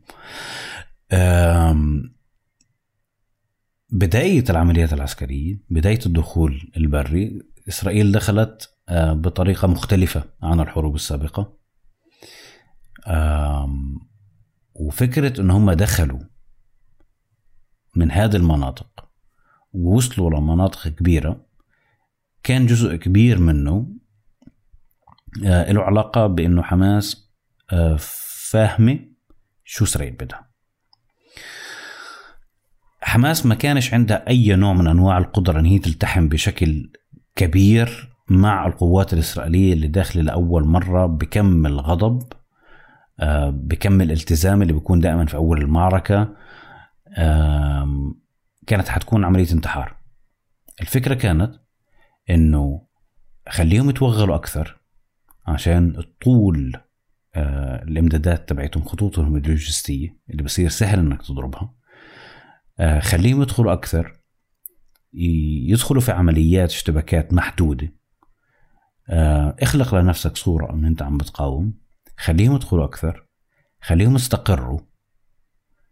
بعد ما يستقروا بعد ما يرتاحوا ببلش الهجوم المضاد. وهذا اللي عمله حماس بالضبط في المرحلة الأولى من من العملية العسكرية وصولا لحديت اتفاق وقف إطلاق الهدنة اللي صارت. وهذا اللي راح تلاحظوا في الاختلاف التام في العملية في الجزء الثاني ما بعد وقف إطلاق النار إحنا دخلنا في عملية ثانية إطالة خطوط الإمداد تبعت الجيش الإسرائيلي كلفتهم كتير لأنه لما وصلوا للمنطقة اللي صار فيها الاشتباكات ضارية سحب الآليات أصبح عملية معقدة جدا. سحب الجنود أصبح عملية معقدة جدا. آه، الالتحام ما بين الشوارع والمدن أصبح صعب جدا. ضرب خطوط الإمداد للجيش الإسرائيلي آه، أصبح عملية شبه يومية لحماس.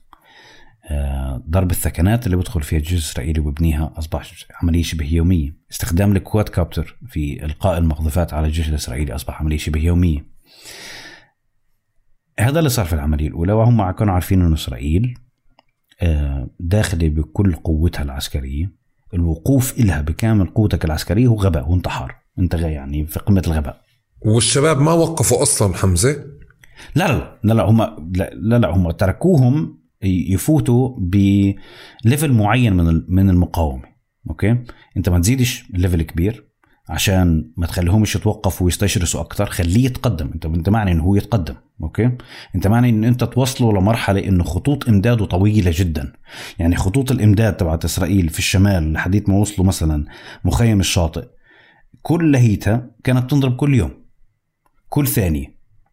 الخطوط الإمداد لما دخلوا من الزيتون وبعدين إجوا من تل الهوى على باتجاه مستشفى الشفاء كمان هذه الكماشة الغربية اللي حاولوا يعملوها هذه خطوط إمداد طويلة جدا. أوكي؟ وهذا كان كل يوم بتصير العمليات فيها وكان بصير الضرب بالقوات الإسرائيلية في الخطوط المتقدمة والخطوط اللي وراها. الفيديو الشهير تبع طلع في أول الحرب الشاب اللي طلع من النفق معه 105 اللي اللي العبوة اللي اللي حطها على الدبابة وسحب حاله وراح. هذه هذه في حي في حي الزيتون بعيد أربعة أربعة كيلو ثلاثة كيلو عن البحر وبعيد مسافة أكبر عن الحدود الإسرائيلية. هذه القوات الإسرائيلية اللي في النص المفترض أنه هي يعني بتكون مرتاحة. هذا اللي انضربت.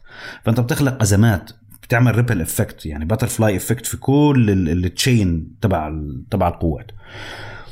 هذا يختلف تماما عن المرحلة الثانية من العمليات العسكرية. المرحلة الثانية من العمليات العسكرية التحام مباشر التحام بالعبوات التحام بال 105 التحام من مسافة صفر تفجير مباني عمليات عمليات انتحارية آه كل هذا صار في العملية الثانية في المرحلة الثانية. فأنت عندك مرحلة أولى بدك تفهم يعني آه، بتحليل الكوره لما انت بتلعب على واحد لما تلعب مع فريق على أرضه وانت غالبه على أرضك فانت عندك أول 15 دقيقة يعني رح يكون انتنس هو هاجم بكل بكل شيء هو بيقدر يهجم عليه. انت مهمتك إنك تستوعب الصدمة. انت تستوعب الصدمة تماما. بعدين هدي من شعور وبعدين انت هذا اللي صار. هذا الفرق ما بين المرحلة الأولى والمرحلة الثانية. بس هذا بالمرحلة الأولى حمزة هذا بالنتيجة صار ولا هو من الأساس كان هيك؟ لأنه بتذكر نقاش خطوط الإمداد طلع بالأسابيع يعني لما تقدموا أكثر فصار في تحليل يا جماعة إنه لا مش كل المناطق أو مش كل المسارات آه، آه، بالضرورة ممكن يكون تم إنهاء الشباب فيها أو تواجد المقاومة فيها. بقدر ما إنه يمكن تم تسهيل دخولهم ل... ل... لنقاش هي النقاش اللي انت بتقوله. هي كانت مرحلة إغراق هي كانت مرحلة إغراق. شوف ال ال ال إنه أنت بتحكي إنه في عندك خطة بعيدة الأمد على إنه كيف الإسرائيليين رح يتصرفوا في غزة بتصورش انه هذا شيء واقعي. لأنه كل عملية عسكرية لها طبيعتها والإسرائيليين دخلوا بشكل مفاجئ من منطقة مش معتادين إنهم يدخلوا فيها بهذا بهذا الكثافة. فكرة إنه أنت ما تقاتل بكل قدرتك القتالية في أول آه، أيام المعركة هي مفيدة لك انه أنت بتحافظ على آه، مقاتلينك للمرحلة اللي أنت بدك تستخدمه فيها بس هي مؤذية لك في مرحلة إنه الإسرائيليين عم بدخلوا بشكل كتير سهل أوكي؟ فالناس بلشت تتخيل إنه لا العملية سهلة ودخلوا وين ما بدهم بكل هذا الحكي. فعشان هيك حماس لجأت إنه هي تعرض فيديوهات ب frequency معين إنه تصدي للآليات ضربات عمليات بطولية تبعت فكرة إنه طلع وراح على الدبابة وحط العبوة ونزل عشان تبين إنه في مقاومة. وفي مقاومة هذه الفكرة كان بتحاول إنها تبينها إنه المقاومة مدروسة مش مش بس مقاومة لأجل المقاومة. آه كمان اللي وفر لحماس يعني حماس في أول عشر أيام من القصف بتصور إنه حتى التكتيك تبعهم اللي هم كانوا مخططين بدهم يستخدموه بصاروا نتغير لأنه الطريقة اللي قصفت فيها إسرائيل هي طريقة غبية جدا. يعني الأمريكان جيمس جلين صارت مشكلة كبيرة بينه وبين الإسرائيليين إنه أنت إيش بتعملوا؟ أنت عم تبني لهم غابة من الأسمنت المسلح أنت بتقدرش تشوف فيها. أنت شو شو عمالك بتعمل؟ أنت فعلا داخل داخل داخل بقوات برية. ف حماس استفادت من هذا الموضوع غير التكتيكات شوي. يعني بدل ما كان عين النفق الهجومي آه، مكشوفة آه، صار في فوقها عمارة. فتمام. فيعني شكرا. يعني أنت أعطيتني أحلى كفر أنا بدي إياه. ففي تكتيكات اختلفت عندهم صاروا هم بيشتغلوا عليها بناء شو على كفر كفر بخص... ب... بمعنى شو؟ إنه هو أسمنت. مسلح في أسمنت. أنت في فرق لما انت لما شو انت سكره قصدك إنه حماة أكثر؟ يعني آه حمى النفق. آه ما انهارش على فتحة النفق بس حماه النفق. يعني بس حتى صفى إنه أنت لما بدك تطلع من النفق صفيت مش مكشوف. صفى في فوقك بنايه بنايه من نص منهارة بس صفى في فوقك بنايه ففكرة إنه أنت يشوفك بالثيرمال حتى ببطل ببطل سهل. في فرق لما أنت بتشوف من الطياره الأباتشي آه، بني آدم عم بتحرك على الأرض. أنت بتشوف الثيرمال هيت تبعه. أنت شايفه. أنت شايفه قدامك. بس لما بتكون هذه المنطقة اللي هو بيطلع فيها فوقها بنايه أو فوقها آه، آه، ركام أنت بتبطل شايفه. يعني طلع الفيديوهات تاعون تاعون القسام. هو داخل بناية مهدمة. بيضلوا يزحف مع القاذف تبعه بيزحف داخل ال- ال- الركم عشان يوصل للهدف تبعه. بيضربه وبنسحب.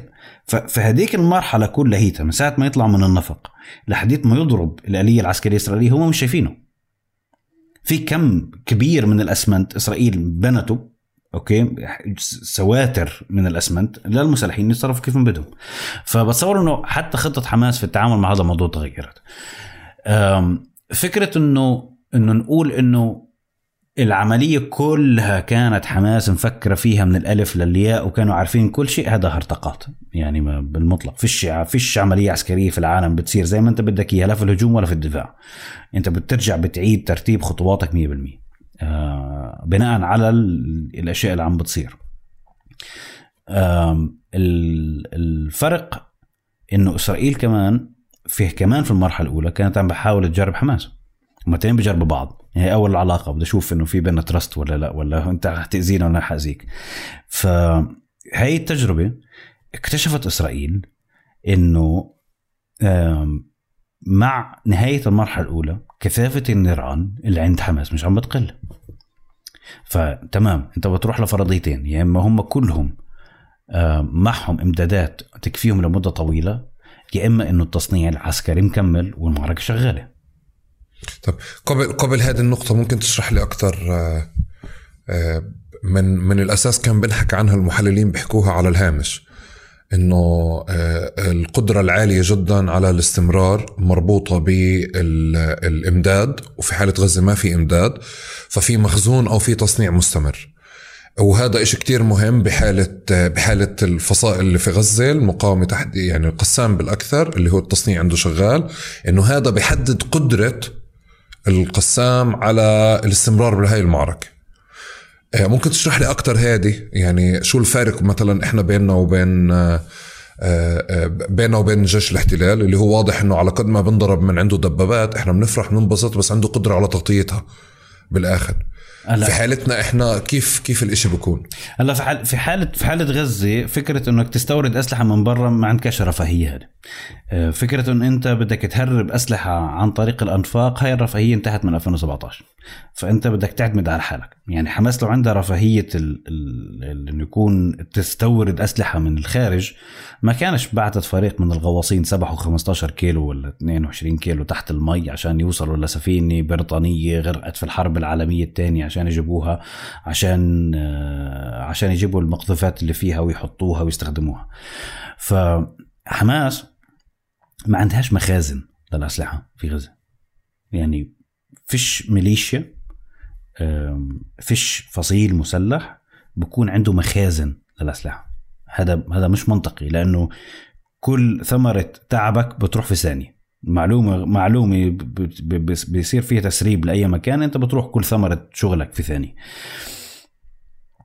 حماس بتصنع وبتوزع فاللي المعلومة هاي لما أنا بلشت أشوفها بأول الحرب عدد القذائف اللي موجود مع ال ال ال الرامي واللي موجودة مع الشاب اللي بيدعمه ضلوا مستمر بنفس.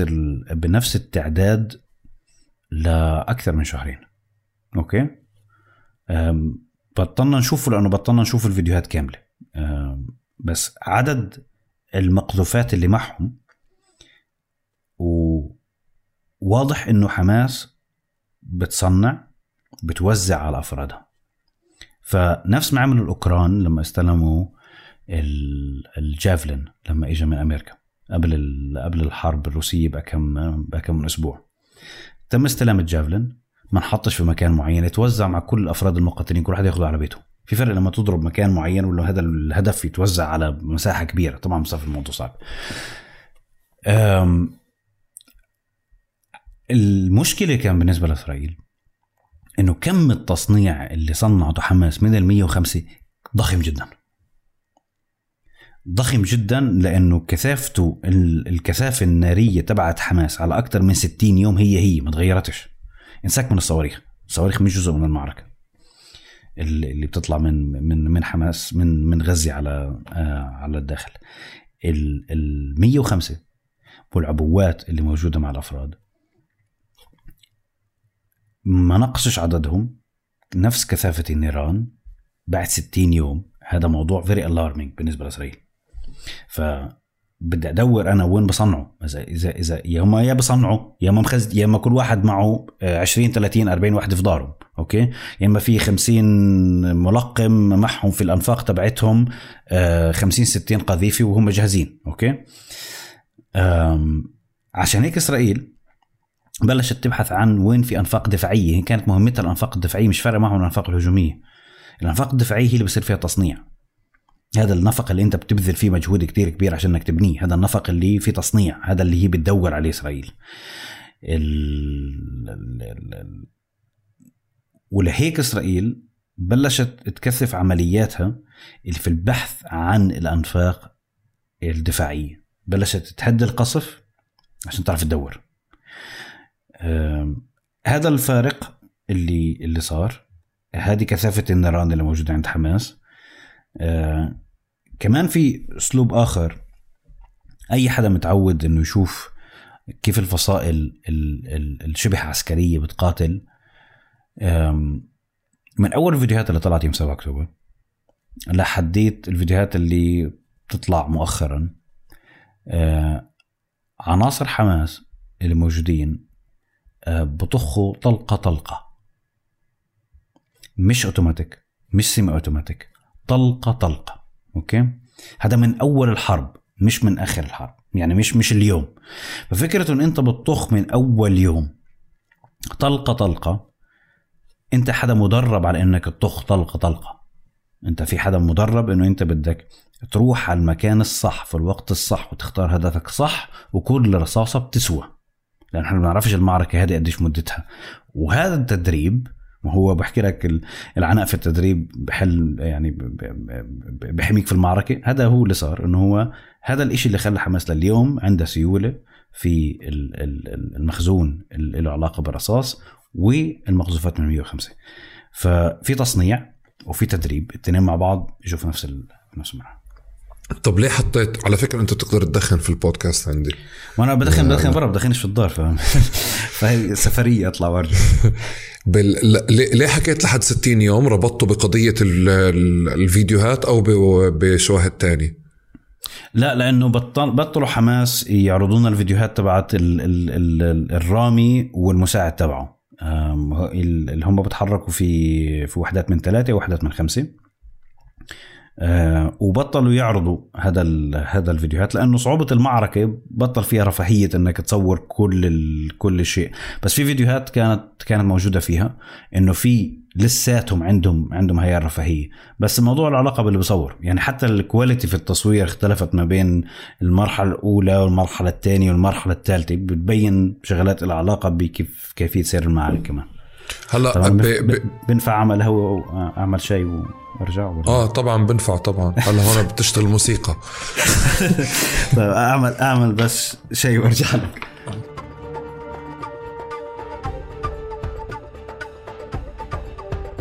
حمزة قضية ال... ال- النقطة اللي أنت بتحكيها بنفع تعطيني آه، آه، نحكي عن نبرز أهميتها أكثر أنا بعتقد لأنه أنت شرحتها اللي هي قضية الاستمرار بحالة مثل حالة حماس آه، آه، بالقسام في غزة محاصر عنده تصنيع وعم بنضرب من كل مكان ومستمر باليوم ال 115 آه، عندك شواهد لليوم ال 60 بس شو في عندك شواهد لل 115 اللي ممكن كمان تعط يعني توصل لنا؟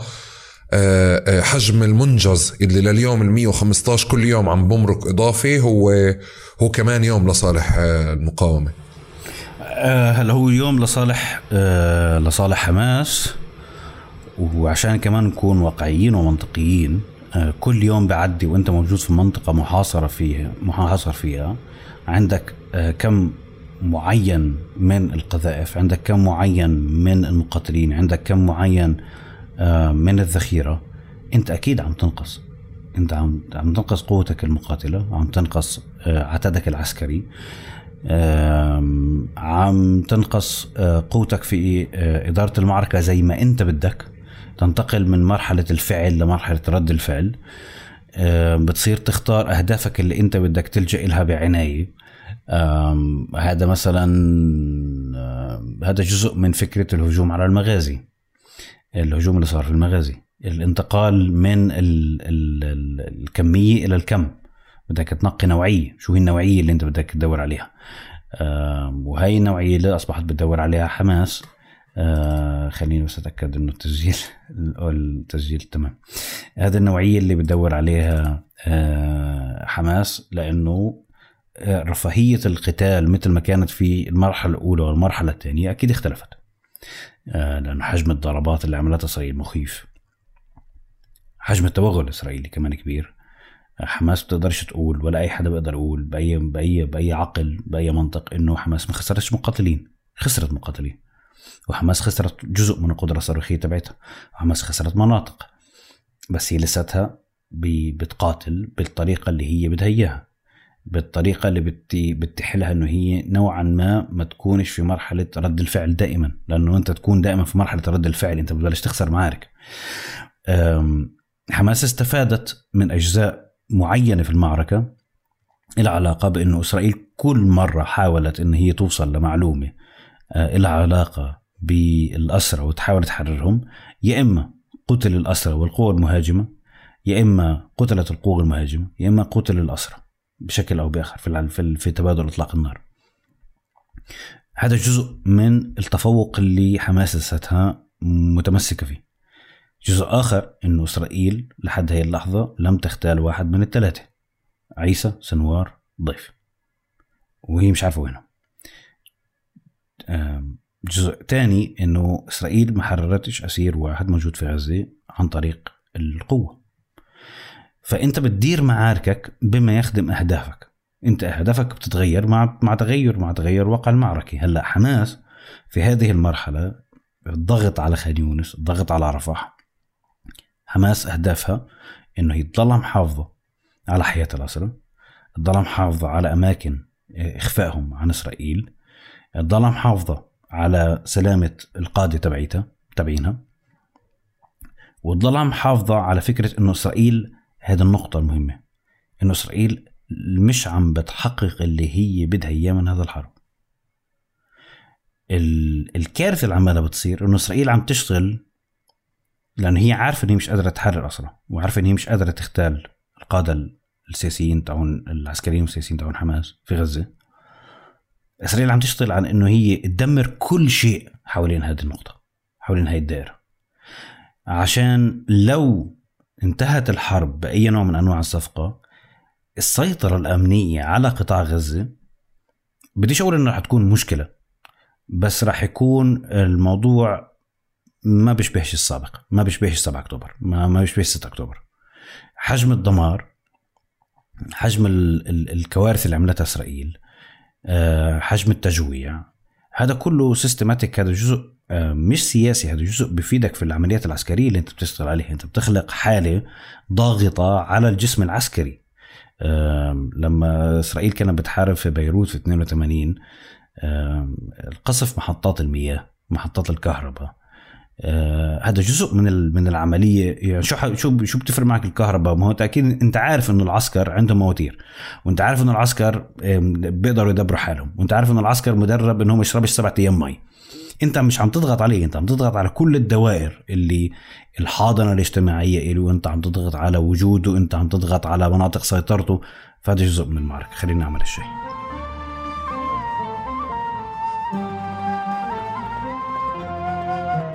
آه يا سيدي. شايك أحمر؟ أه لا بقدرش أشرب شاي أحمر. أنا صرت أشرب شاي عن جديد أساسا. يعني إمي لو بتعرف إن أنا بشرب شاي أحمر يمكن تتبرى مني. شاي طبيعي لأنه يعني إمي قد ما حاولت بحياتها انه هي تشربني شاي ما بزبطش. فأنا هلأ صرت أشرب شاي من أول من أول الحرب لأنه بطلت القهوة تجيب صفا إنه أنت يعني ما يعني إذا بدك تضلك تشرب إذا بدي ضلني أشرب قهوة زي ما كنت بشرب أول الحرب يعني كان زماني ميت ال 40 تبعي يمكن كان اليوم لأنه الواحد كان ما بيمشي غير المدخن وبشرب قهوة وفيش أكل و يعني كانت مأساة. طيب آه، إحنا إحنا بال باليوم ما بعد اليوم ال 115 آه، صار واضح لنا حجم المنجز اللي موجود آه، إنه كل يوم كيف شو التحدي اللي موجودة في المقاومة واللي بخلينا من محل كمان نقدر كل يوم يعني نقدر كل حالة كل كل يوم بمرق كل ساعة كل فعل إضافي عم بكون اليوم. بس من ناحية تانية كمان سلوك الإسرائيليين آه، بنتج عنه من عنا كمان ردود أفعال آه، بحالة خان يونس في مشهد الحديث عن رفح فيه مشهد وكمان الانسحاب إذا بنفع نقول الانسحاب أو حتى الانسحاب الجزء من مناطق في الشمال كمان في مشهد مختلف هناك. يعني بمعنى إنه حتى مع الانسحاب من الشمال اليوم ال ال ال يعني الأنباء أو المعلومات الأولية عم بتقول إنه أقل حدة معارك موجودة هناك. يمكن طلع مؤخرا صواريخ على نتيفوت من الجهاد الإسلامي وبعدين يعني تم لمها أو أو حصرها. آه، وبنفس الوقت من مكان تاني عم بنحكى بمعركة خان يونس ومعركة رفح أكثر. آه، آه، كيف بدك تساعدني أفهم هذا المشهد؟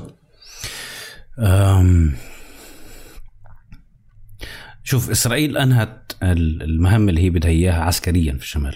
أه، صفا الشمال بالنسبة لها منطقة هي قادرة إن هي أه، تضلها مكملة في فكرة إن هي قاطعيته عن الجنوب. و... وتستمر في السيطرة عليه بإن هي بتتحكم في الأكل والشرب والحياة فيه.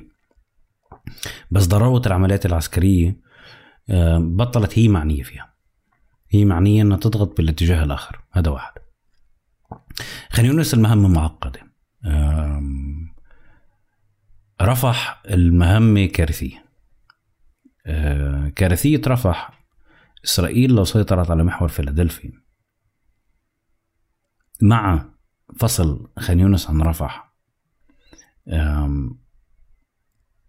هي راح تتعرض لنيران كبير في في في رفح في محاولتها للسيطرة على محور فيلادلفيا بس بنفس الوقت إسرائيل عندها تقريبا مليون فلسطيني موجودين في رفح أو أكثر.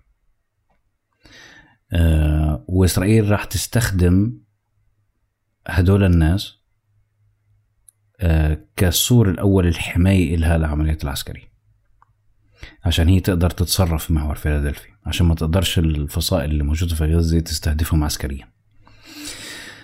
آه، السيطرة على محور فيلادلفيا ممكن تكون قصيرة آه، ممكن تكون طويلة آه، راح تخلق مشاكل آه، عسكرية وسياسية لإسرائيل مع مصر هذا موضوع تاني. لو إسرائيل سيطرت على محور فيلادلفيا وبما معناه أن هي سيطرت على المعبر سيطرت على خروج المرضى كمان زي هي already مسيطرة عليه بال- بالكشوفات اللي بتعملها. قطع خان يونس من الشمال وبالجنوب وحدة لحالها وقطع رفح وحدة لحالها والتعامل معهم كمكانين عمليتين عسكريات في نفس الوقت.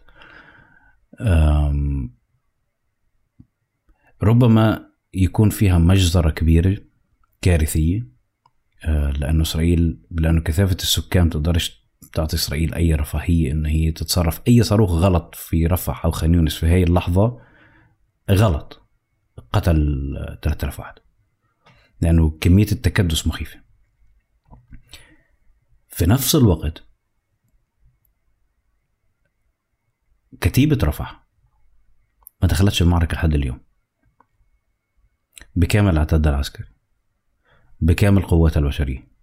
لحد هي اللحظة ما دخلتش معركة كتيبة خان يونس بشكل كبير أكثر من 40% أو 50% منها ما دخلتش في المعركة. فهذا جزء من إدارة المعركة بحد ذاتها. الدفع بعدد شو العدد القوات اللي أنت بدك تدفع فيه؟ شو شو كثافة النيران اللي أنت بدك تقدمها؟ وهنا خليني أحكي لك شغلة. كل ما زادت كثافة النيران من الطرف المدافع كل ما زادت شراسة المهاجم. فإذا أنت بدك تقلل كثافة النيران في مناطق معينة. عشان انت بتبحث عن كم مش كمية انت معني بكثافة نيران معينة. بتقول إن انت موجود بس ما بتقولش إن هذا المكان مستحيل الدخول له عشان تخليه يدخل له عشان تخلق له فكرة إنه هو قادر على إنه يتغلغل أكثر. هذه تكتيكات عسكرية. إنه أنت توهم اللي قدامك إنه هو قادر على الوصول. هلا معركة خان يونس معركة مصيرية بالنسبة لإسرائيل لأنه إسرائيل أعلنت قدام العالم كليته إنه الأسرى موجودين في خان يونس وقادة حماس موجودين في خان يونس. فإسرائيل فشلت في تقديم رواية الشفاء لأي حدا موجود. إسرائيل فشلت في تقديم آه أنه هي عندها نجاح استخباراتي للعالم كليته في كل الأحداث اللي صارت في غزة. إذا فشلت إسرائيل إذا سيطرت إسرائيل على خان يونس نفترض هي سيطرت على خان يونس. لساتها معركة خان يونس لساتنا ما وصلناش لمرحلة كسر العظام يعني. بس إذا إسرائيل سيطرت على خان يونس وكل يوم آه طلعت تصور أنه في نفق جديد وهي كل يوم بعدي هي ما طلعتش أسير أو اغتالت قائد إسرائيل حيكون وضع كارثي جدا. وداخليا هذا الشق الآخر آه، راح يكون عملية ضاغطة على إنه العمليات العسكرية توقف. طب بس طب حمزة بالمقابل العنصر الفلسطيني نفسه بحالة الشمال كمان أنت يعني إسرائيل مش معنية هلأ أو معنية تقلل حالة الاشتباك في الشمال؟ أوكي خلصت شو شو بدها بس ما زال في تواجد لإلها هذا التواجد مش عم بتم استهدافه. ففي كمان ادعاء أو في تحليل بقول إنه كمان المقاومة واعي لأنه الناس محتاجة تتنفس فبالتالي آه لا نفس هو المنطق لا هو مش عم رفح لا هو مش عم يصير استهدافه لاسباب إنه أكبر الوجود الإسرائيلي اللي موجود في الشمال هو موجود على الخط اللي بتدخل من المساعدات للشمال اللي هي الترك اللي بدخل كل ثلاثة أيام. فأي استهداف له إسرائيل بتقول لك آه هدول بضربونا طب في شكل. أوكي ما أنت يعني بدك تعمل بالانس أنت كيف أنت كيف بدك تعيش؟ طب بنفس المنطق أنا بقدر اسقطه على رفح. يعني كمان من مكان إنه أنا ممكن إحنا نكون مبسوطين انه إنه كتيبة رفح ما زالت بكامل عتادها وقوتها موجودة. ما استخدمتش إشي. بس وجود الكثافة السكانية اليوم فيها بتعطل على الكتيبة إنها تتحرك. صحيح. صحيح. وبتعطل على الإسرائيليين إنهم يعملوا باي إنهم يقوموا بأي عملية. إذا إسرائيل بدها تفصل خان يونس عن رفح وتبلش في عملية عسكرية في رفح والناس بدهم يروحوا. تقدرش تعمل معهم. اسرائيل تقدرش تعيد الجرائم اللي عملتها في أول الحرب آه، الموضوع عادي يعني. إحنا هلأ صار موضوع معهم معهم شهر notice بدهم يقدموا تقرير جديد يعني ما ف كمية إنه في مليون بني آدم موجودين في مساحة رفح الضيقة هذه أوكي؟ وأنت مضطر إن أنت بدك تعمل عمليات عسكرية فوق الأرض وتحت الأرض. جود uh, لك uh, يعني كيف كيف بدك ت handle هاي؟ كيف كيف تزبط معك؟ إذا أنت ما فتحت لهمش متنفس إنهم يطلعوا شمالا أنت حتكون في كارثة. إذا أنت بدك تاخذ محور فيلادلفي وبدك تفصلهم لا هم قادرين يطلعوا ولا قادرين يدخلوا وهم مقطوعين عن خان يونس أنت مضطر إنك تتعامل مع مليون بني آدم موجودين على الأرض. كيف بدك تتعامل معهم؟ أنا ما بعرف. أنا صراحة ما بعرف. كيف اسرائيل ممكن تتعامل معه؟ يعني أنا أنا بعرفش كيف لأنه يعني كمان واضح لي انه اسرائيل ما كانتش سائلة بكتير جوانب. يمكن اليوم صار أصعب الموضوع بعد المحكمة والقرار شوي. آه، بس آه، ومصر مسكر المعبر تماما مسكر حدودها تماما. فيعني أنت حتى ما في عندك آه، التعويل على إنه ممكن يصير في انفجار تطلع الناس على مصر فإنت حاشرها لا الحدود بتكون؟ مؤمن الحدود مؤمن ال- الأسوار مش مش سهل مش سهل اختراقها مش مش مش بهذا الموضوع. بحكي لك إنه مستحيل بس يعني اذا اذا إذا إسرائيل بدها تكمل من خان يونس وتزيد أوكي هي خان يونس وهي رفح. هذا هو ال- المربع اللي إحنا بنحكي عنه اللي هو في جنوب القطاع. اذا إذا إسرائيل بدها فصلت خان يونس وبدها تاخذ محور فيلادلفيا فهي معناه إنه خلقت مربعين جنب بعض مستطيلين جنب بعض. هي بتدير فيهم عمليات عسكرية. بس إذا إسرائيل بتخترق من من من من الشريط ال- ال- الفاصل ما بين خان يونس ورفح وبتكمل بتوسع هذا الشريط إنها تضغط الفلسطينيين باتجاه مصر من دون احتلال محور فيلادلفي آه ساعتها هي بتكون فعلا بتدفع المصريين بتدفع الفلسطينيين باتجاه إن هم يكسروا السور وهذه هي الكارثة اللي هي بدها إياها. بتصور يعني طيب. حمزة آه، إذا إذا بدنا نحكي الاستراكشر الهيكلية الموديل اللي بلشت فيه القسام آه، تشتغل فيه هل ما زال لليوم شغال؟ آم، يعني بقصد بنقاش المركزية تحديدا.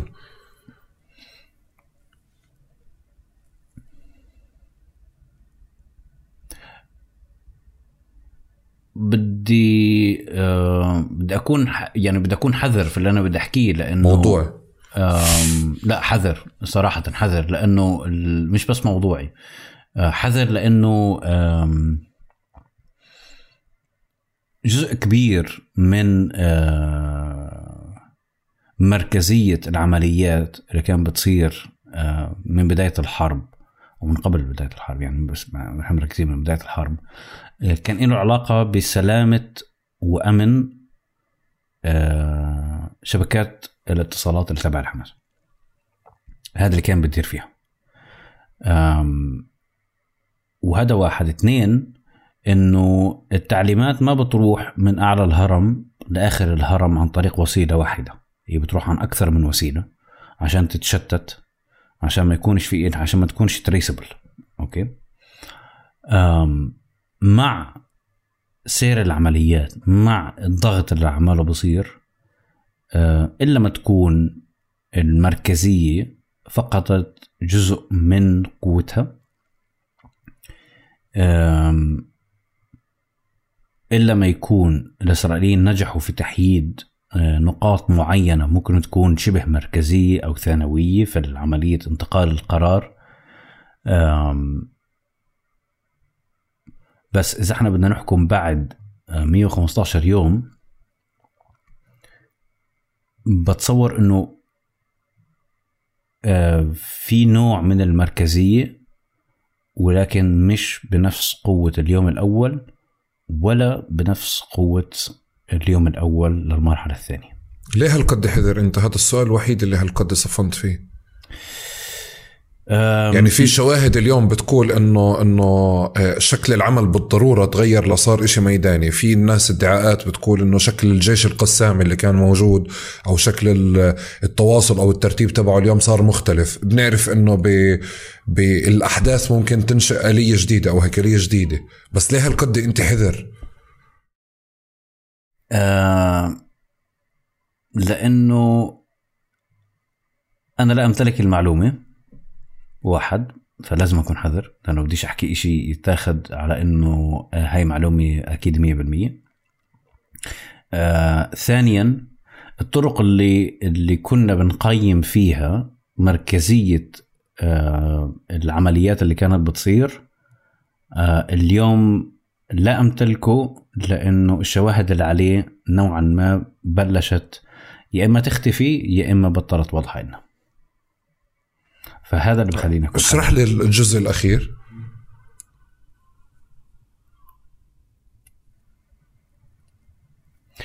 الموضوع له علاقة بالمكتب الإعلامي الموضوع له علاقة بالصواريخ اللي كانت تطلع الموضوع كان له علاقة بتوقيت العمليات العسكرية كان في شيء له علاقة بإدارة العمليات على الأرض الهجوم في أكثر من جهة في نفس الوقت آم، كان شيء له علاقة بالتنسيق العمليات ما بين ال- شمال غزة ومدينة غزة و...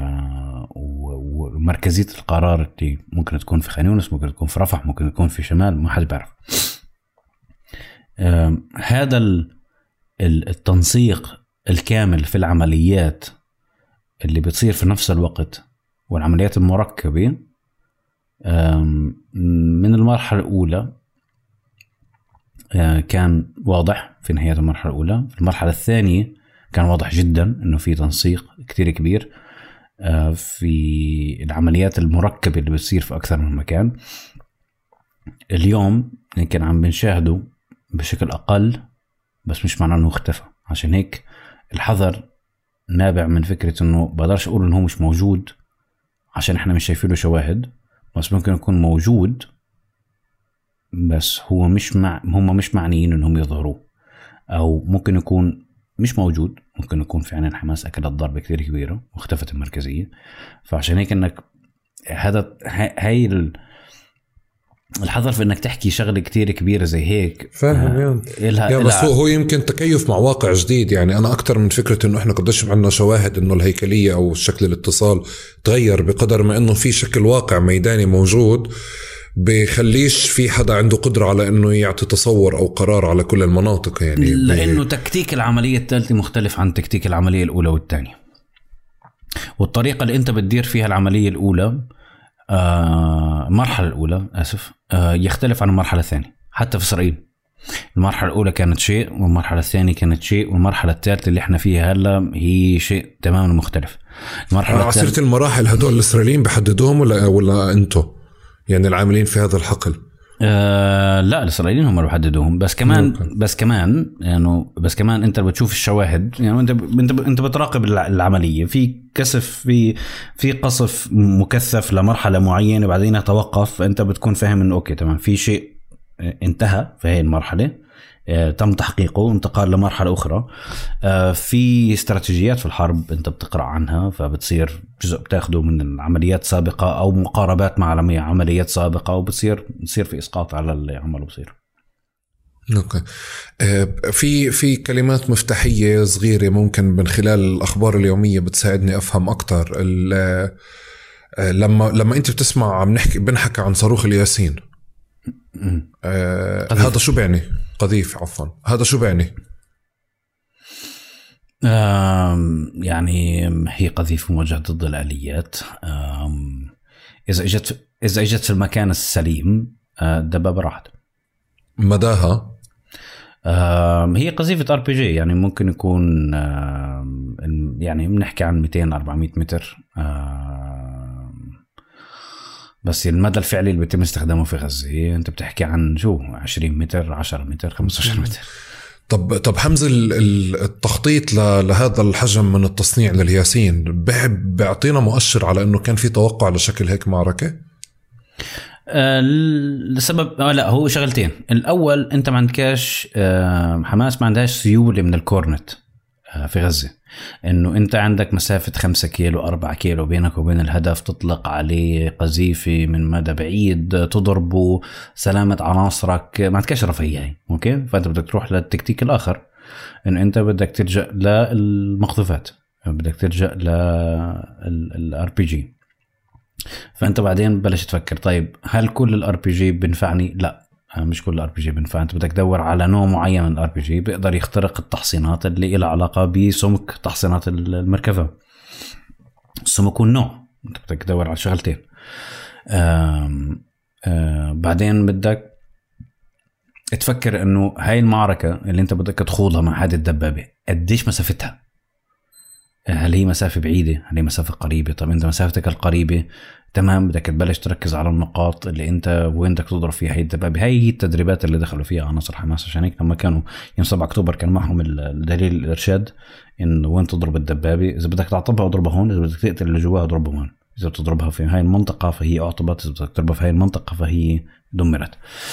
فاللجوء إلى الياسين هو كان ذكاء من حماس وكثافة تصنيعه بتخليني أشعر إنه حماس كانت تعتقد إنه راح يكون في اجتياح بري إسرائيلي كثير كبير. وهم استعدوا لهذا هذا السيناريو. بتعرف هذا الادعاء من ناحية وفي ادعاء تاني إنه المعركة الدخول اليوم 7 أكتوبر بتتطلب كمان حجم مثل هيك. إنه أنت رح تحتك بالآليات بمكان هجوم كمان. والن- والناحية الثالثه كمان اللي هلأ أنت عم بتقولها إنه هذا المتاح الممكن تصنيعه. هلأ هو المتاح وممكن تصنيعه والأفضل للمعارك. يعني الأفضل المعارك هي رقم واحد. الأفضل هاي المعركة في التعامل مع هذه الآلية هو أفضل سلاح أوكي؟ آه لأنه كل منظومات الدفاع النشط اللي موجودة على على المركبة آه ما بتقدرش تتعامل مع هذا الهدف. يعني بتقدر تتعامل مع الكورنت بتقدرش تتعامل مع مع الياسين. ولأنه هذا أفضل شيء أنت بتقدر تصنعه في غزة بتكلفة مش عالية آه، بكفاءات موجودة. لأنه هذا أفضل شيء بتقدر إنك تستخدم في إعادة تدوير المتفجرات اللي موجودة عندك في غزة بحيث ان أنت تلحق أكبر ضرر ممكن بالآليات اللي داخلة. آه، ليوم 7 أكتوبر ما كانوش بحاجة لكم التصنيع يعني المهول. يعني اذا أنا بدي أحكي إنه من أول الحرب بيطلع كل يوم فيديو أو بصير في التحام ما بين عناصر حماس وما بين القوات الإسرائيلية. إذا بدنا نحكي إنه في اليوم الواحد بنضرب 20 قذيفة آه ولساتهم عندهم قذائف آه إحنا بنحكي في, في, في أكثر من 2000 قذيفة. ف في تصنيع أكبر من هيك بكتير لأنه مش كل شيء بيطلع بنضرب أوكي؟ ويتم تحديد الأهداف بعناية. هذا غير إنه مش كل قذيفة بتنضرب هي قذيفة ياسين. في قذائف مضاده للأفراد. في قذائف تاندم. آه، في قذائف مليانة بالكرات الحديدية هي معمولة عشان لما يصير الانفجار تخترق الأجساد على مساحة كبيرة. ف آه، القاذف بيتم تصنيعه في غزة المقذوف بيتم تصنيعه في غزة. بالنسبة لهم 7 أكتوبر هم كانوا بحاجة لعدد منهم بس ما كانوش بحاجة لهذا العدد الكبير. العدد الكبير اللي موجود المصنع في غزة بقول إنه في استعداد كان واضح لإنه إسرائيل راح تفوت في عملية برية. لأنه الاستعداد آخر لعملية معينة ما كانش بهذه الكثافة. هي الكثافة اللي موجودة إنه آه، كل يوم في آه، بدنا نفترض آه، موجود مثلا في شمال غزة إنه في 400 عنصر نشط. مع ال 400 عنصر بدنا نقسمهم على وحدات على وحدات خمسة. في 8 في 80 رامي بالقذائف. كل رامي معه آه، معه خمس قذائف. آه، ففي 400 في 400 قذيفة موجودين في هذا اليوم available أوكي غير ال stock.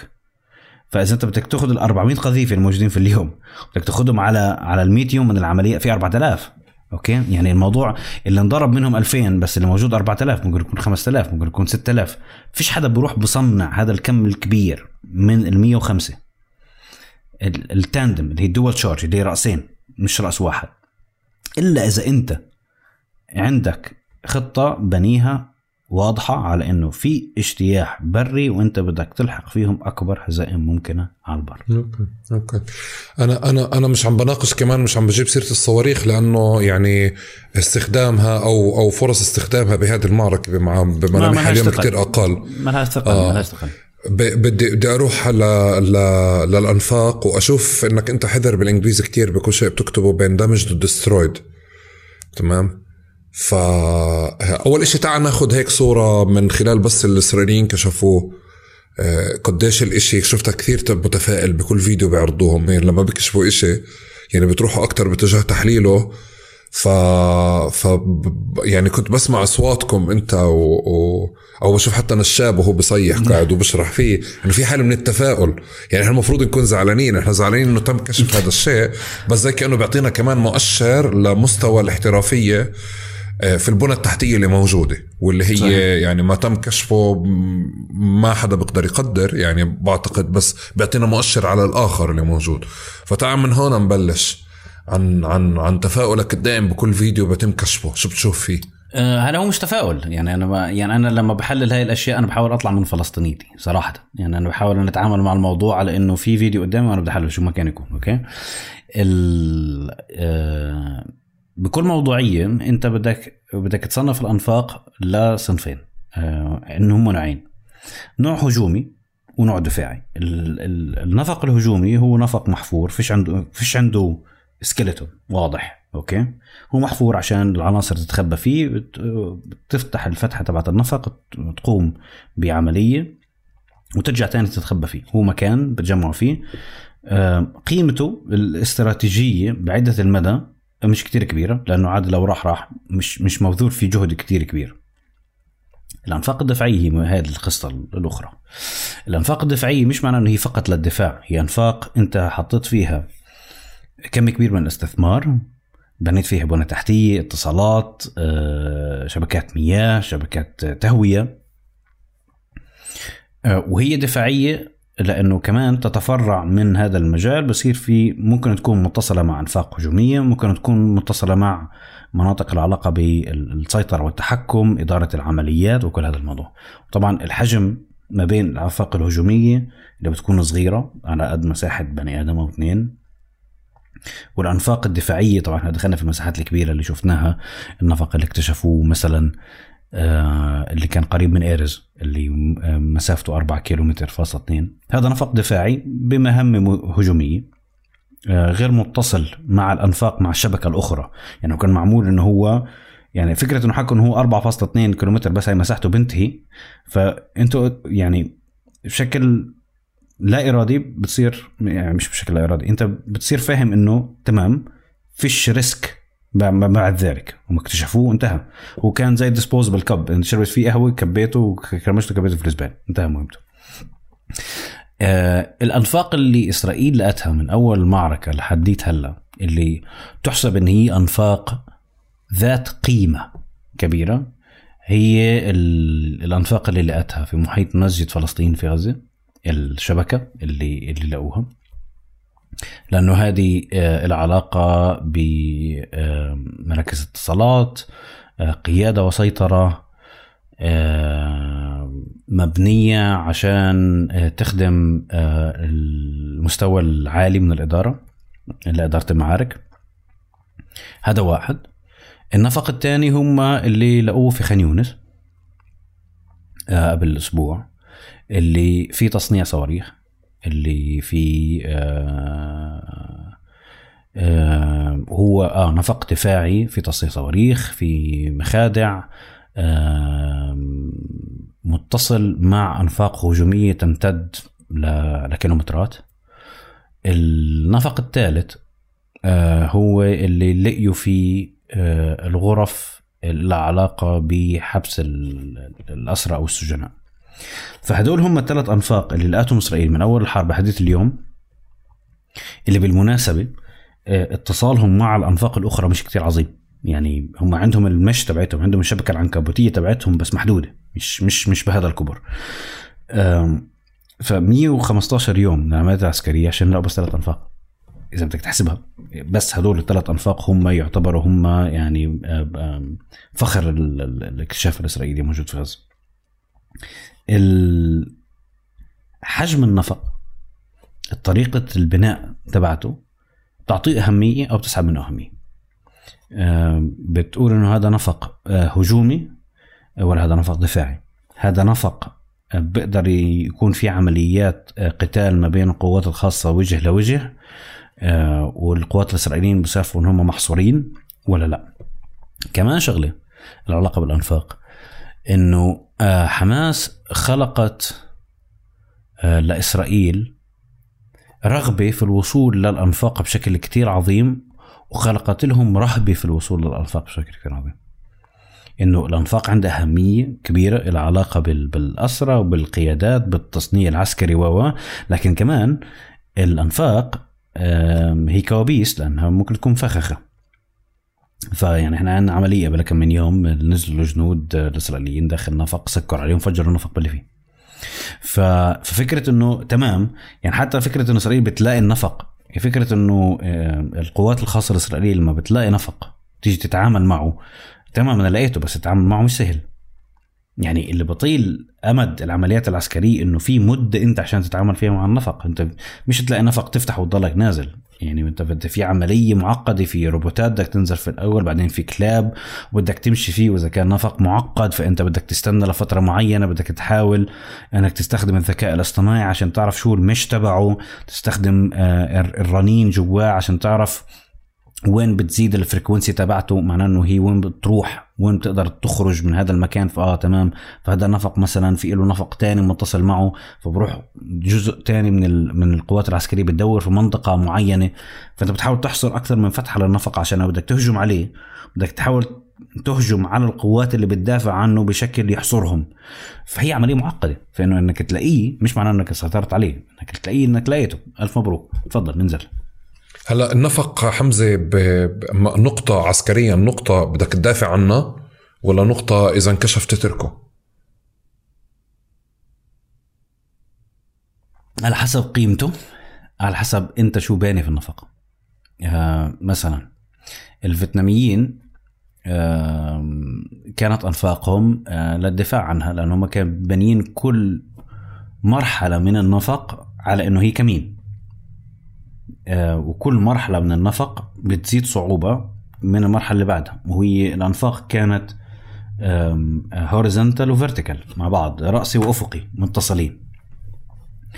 إذا إذا النفق بتم اكتشافه آه، في غزة من الطريقة اللي انبنوا فيها وهي شغلة إحنا بنلاحظها من الطريقة اللي انبنوا فيها تذكر فيديوهات في فتحة للنفق بعده في مسير ممكن يكون 20 30 متر بعدين في باب مصفح anti-blast يعني هذا بعطيك مساحة من الوقت انه أنت إذا أنت عندك detectors إذا أنت عندك مجسات بتقول لك انه في حدا فتح النفق. فأنت عندك وقت أنت عارف إن هو لسه بده ينزل الروبوت لسه بده ينزل الكلب. آه وبعدين في عنده مسير 20 30 متر بالروبوت وبالكلب وبعدين بده يطلع هدول التنين بعدين بده تنزل القوات بعدين بده يحط ال C4 أو شو المادة اللي بده يستخدمها عشان يفجر الباب عشان بعدين ينتقل للمرحلة الثانية وتفجير الباب بده يكون حذر لازم يطلع من النفق بعدين يفجر الباب عشان يتأكد إنه الباب مش مفخخ عشان ما يسقطش عليه. فأنت من الثانية اللي أنت بصير عندك detection يا إما من وحدتك اللي فوق الأرض بيحكوا لك إنه عرفوا المكان اللي فيه النفق. أو إذا أنت عندك motion sensors ولا عندك أي نوع من أنواع ال early warning ال early warnings الإنذار المبكر الموجود داخل الأنفاق. فأنت معك وقت إنك تلملم اغراضك وتاخذ وتاخذ الأسرى اللي انت اللي أنت معني إنك تاخذهم أو القيادات إنه أنت في عندك هو هو اكتشف هو اكتشف 5% آه، 2% من النفق لحديت ال anti-blast door okay؟ أنت في عندك 3 كيلو وراهم. وفي عندك أكثر من anti-blast door أنت كل واحد بتطلع فيه بتسكر وراك. وأنت كل باب بتسكر وراك هو بتصعب مهمته إنه هو يضل يلحق فيك. هو ما عندوش طريقة يضل يلحق فيك. هو لازم كل باب يوقف. وكل باب له عملية inspection وكل باب بده يتاكد إنه فيش وراه حدا. وكل باب بده يتاكد إنه هو مش مفخخ.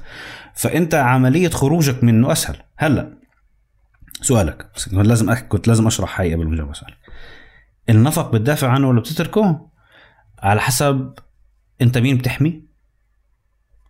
آه أنت بتحمي قادة أو أنتوا قادة الموجودين جوا ولا أنتوا آه، اسرى وأنت مكف وأنت كفيل بحمايتهم أنت من حدات الظل ولا لأ؟ آه، وهل هذا النفق يؤدي إلى أنفاق مهمة أخرى ولا لأ؟ هل أنت بدك تفخخه عشان يسقط على القوى المهاجمة ويصير في ردم ياخذهم وقت طويل ليشيلوا الردم لحديت ما يقدروا يفتحوا الفتحة من أول وجديد. تكون أنت اخذت وقتك وغيرت أشياء أو نصبت كمان كمين كمان كمان آه، أو تحركت باتجاه آخر.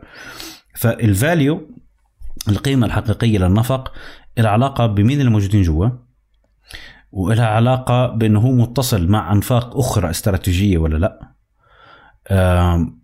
وهل أنت لو خرجت من هذا النفق عندك الحماية اللي بيقدر يوفر لك إياها النفق أو بتقدر إنك توصل اكسس لنفق تاني عشان تنزل فيه أو إنك بتقدر تختفي من على وجه الأرض أو إن أنت عندك سيف هاوس مكان بيت آمن أنت بتقدر تروح عليه. فكل هدول بتاخده في الحسبان. فقيمة النفق القتالية حماس خاضت أكثر من معركة في الأنفاق أغلبهم كانت لاستدراج الجيوش الجنود الإسرائيليين عشان ينزلوا بالنفق. وبعدين كان بصير القتال داخل النفق أو تفجير النفق. 60% كان بتفجر النفق. كانوا بيطلعوا عناصر حماس من الجهة الثانية بفجروا النفق. فالأنفاق تستخدم ك آه، مصيدة أكثر من يعني يعني ما في قتال. يعني ما في قتال بمعنى القتال بقدر ما إنه انكشف يا بدك تفخخه باللي فيه يا إما أنت بدك تنسحب يعني بس خلص متى ما انكشف سقط. فصار شو بدك تعمل فيه؟ جزء منه سقط. فأنت عندك أجزاء أخرى. ما أنت هو فكرة إنه يعني مثلا الفيديو اللي كانوا منزلينه هذيك الدور ال- الإسرائيليين آه ال في أقل من من خمس دقائق أو أقل من خمس دقائق كانت الكاميرا ماشية. كان في أربعة أو خمسة anti-blast door حيب- حيب- عندك ثلاث أربع ساعات أنت. براحتك. آه، لم أغراضك وافطر فطورك وشوف إذا بدك تعمل شيء بدك تحكي مع حدا واصحى تضلك ماشي. في في لأنه الجيوش النظامية بتقدرش تتصرف بفكرة إنه واحد ينزل ويضله جاري في النفق ويروح يفتح الابواب ويقاتل. لا لا لا, لا هم بتصرفوا بهدوء لأنه بخافوا من الكوارث لأنه الجندي اللي عنده موجود بسبب مصيبة. ف غالبا الأنفاق تستخدم على الأنفاق ال- ال- الهجومية اللي بتكتشفها آه، إسرائيل بيستخدموا على إنه هم آه، مصايد والجزء جزء من الأنفاق الدفاعية كمان بيستخدم على إنه مصيدة لأنه في وقت عندك إنك تتصرف فيه للعناصر اللي الموجوده في في غزة. عندهم وقت إن هم يتصرفوا بطريقة مختلفة ويتعاملوا مع الموضوع تمام. حمزة حمزة كمان من ناحية تانية على شكل الهدم اللي الإسرائيليين بيشتغلوا فيه من الأول يوم كان في تحذيرات من فكرة إنه في بفر زون رح تنبنى هيك ولا هيك أو منطقة محايدة امنيا هيك بفر زون آه اللي ما يكون فيها أي أنشطة مقاومة واللي الإسرائيليين يعني هذه غالبية المناطق اللي كان فيها نقاط رباط ونقاط شغل ونقاط رصد ونقاط كذا. فزي كأنه إلغاء على مستوى ميداني فرص تكرار المشهد تبع 7 أكتوبر. آه، آه، بنفع تطبق أصلا اليوم؟ لما بنحكي على بفر زون حوالين غزة؟ هي بتطبق بقوة السلاح هي بتطبقش بأي شيء تاني. هي بتطبق لأنه إسرائيل فعليا عمالة بتطبق فيها. هلا إذا أنت بتفجر كل المناطق الحدودية آه وهم فعليا بفجروش فقط المنطقة اللي هم معنيين فيها. يعني إذا بتطلع في بيت حانون في بيت لاهية آه في الوسطى هم بفجروا آم، آم، buffer zone أكبر من اللي هم بدهم إياها. okay؟ هذا جزء من تكتيك سياسي وعسكري إن أنت خد الأكبر الأكبر وبعدين بعدين لما بتنزل بتنزلش عن اللي أنت بدك إياه. ف وإسرائيل بتحاول تسوق فكرة انه إن هذه no man's land أنا بحكيش إنه أنا أنا مش هحتلها. بس أنا بدي إياها تكون مستوية قدامي. أنا بدي أشوف فيها وأنا مبنى. أنا بدي 600 700 متر قدامي ما فيش فيهم وأنا مبنى. أنا بديش يكون عندي أنا بديش يكون في لي تواجد عسكري فيها. بس أنا بدي أراقبها إن هي فاضية. أنا بدخلق لحالي هاي المسافة اللي بدي أشوف لو حد هجم علي أنا بكون سرعة الرد تبعتي بدل ما كانت 30 ثانية صارت دقيقه ونص. أوكي؟ يعني أنت بتعطيني هذا البفر ان أنا بدي إياه. آه، سهل تحقيقها إسرائيل عم بتحققها في غزه بال بال بال بال بال بال بالتفجيرات. عم بتحققها من دون من دون أي فرق معي مع أي حدا. ال ال في الشمال هي عم تقطع عم تقطع من المساحة لأنه هي عم تقطع من المساحة الزراعية المهمة جدا. الحدودية. وبتخلق رعب في. زي بتاخذ 700 متر ففي 700 متر اللي بعدهم كمان فيهم رعب. يعني فكرة إن أنت تقدم من لتوصل لحديد ال 700 متر هدول كمان فيها رعب. في الجنوب العملية ممكن تكون تطبيقها أسهل من الشمال لأنه رفح وخان يونس أكبر أعرض. بس اسرائيل عم بتطبقها بكل الأحوال لأنه هي عم بتطبقها بالتفجيرات. يعني بلشت بالقصف في بيت حنون وبيت لاهيا بعدين انتقلت لتفجيرات في الشجاعية وفي في التفاح وفي الزيتون وفي كل هذه المناطق وصولا للوسطى وصولا. اسف وصولا لخان يونس. خزاعة وبني سهيلة و... وعبسان الكبرى والصغرى نفس الشيء يعني عم تعمل نفس الموضوع. طب ال ال هي already أصلا كان فيها مساحة يعني كانت في buffer zone موجودة إذا بدي أنفع أسميها صح؟ كانت صغيرة آه. كانت صغيرة؟ آه. اسرائيل إسرائيل اللي عملته إنه هي كان فيها buffer zone آه 100 متر 200 متر 300 متر. بمنطقة حسب. خزاعة مثلا حمزة كم بتقدر ال buffer zone كانت؟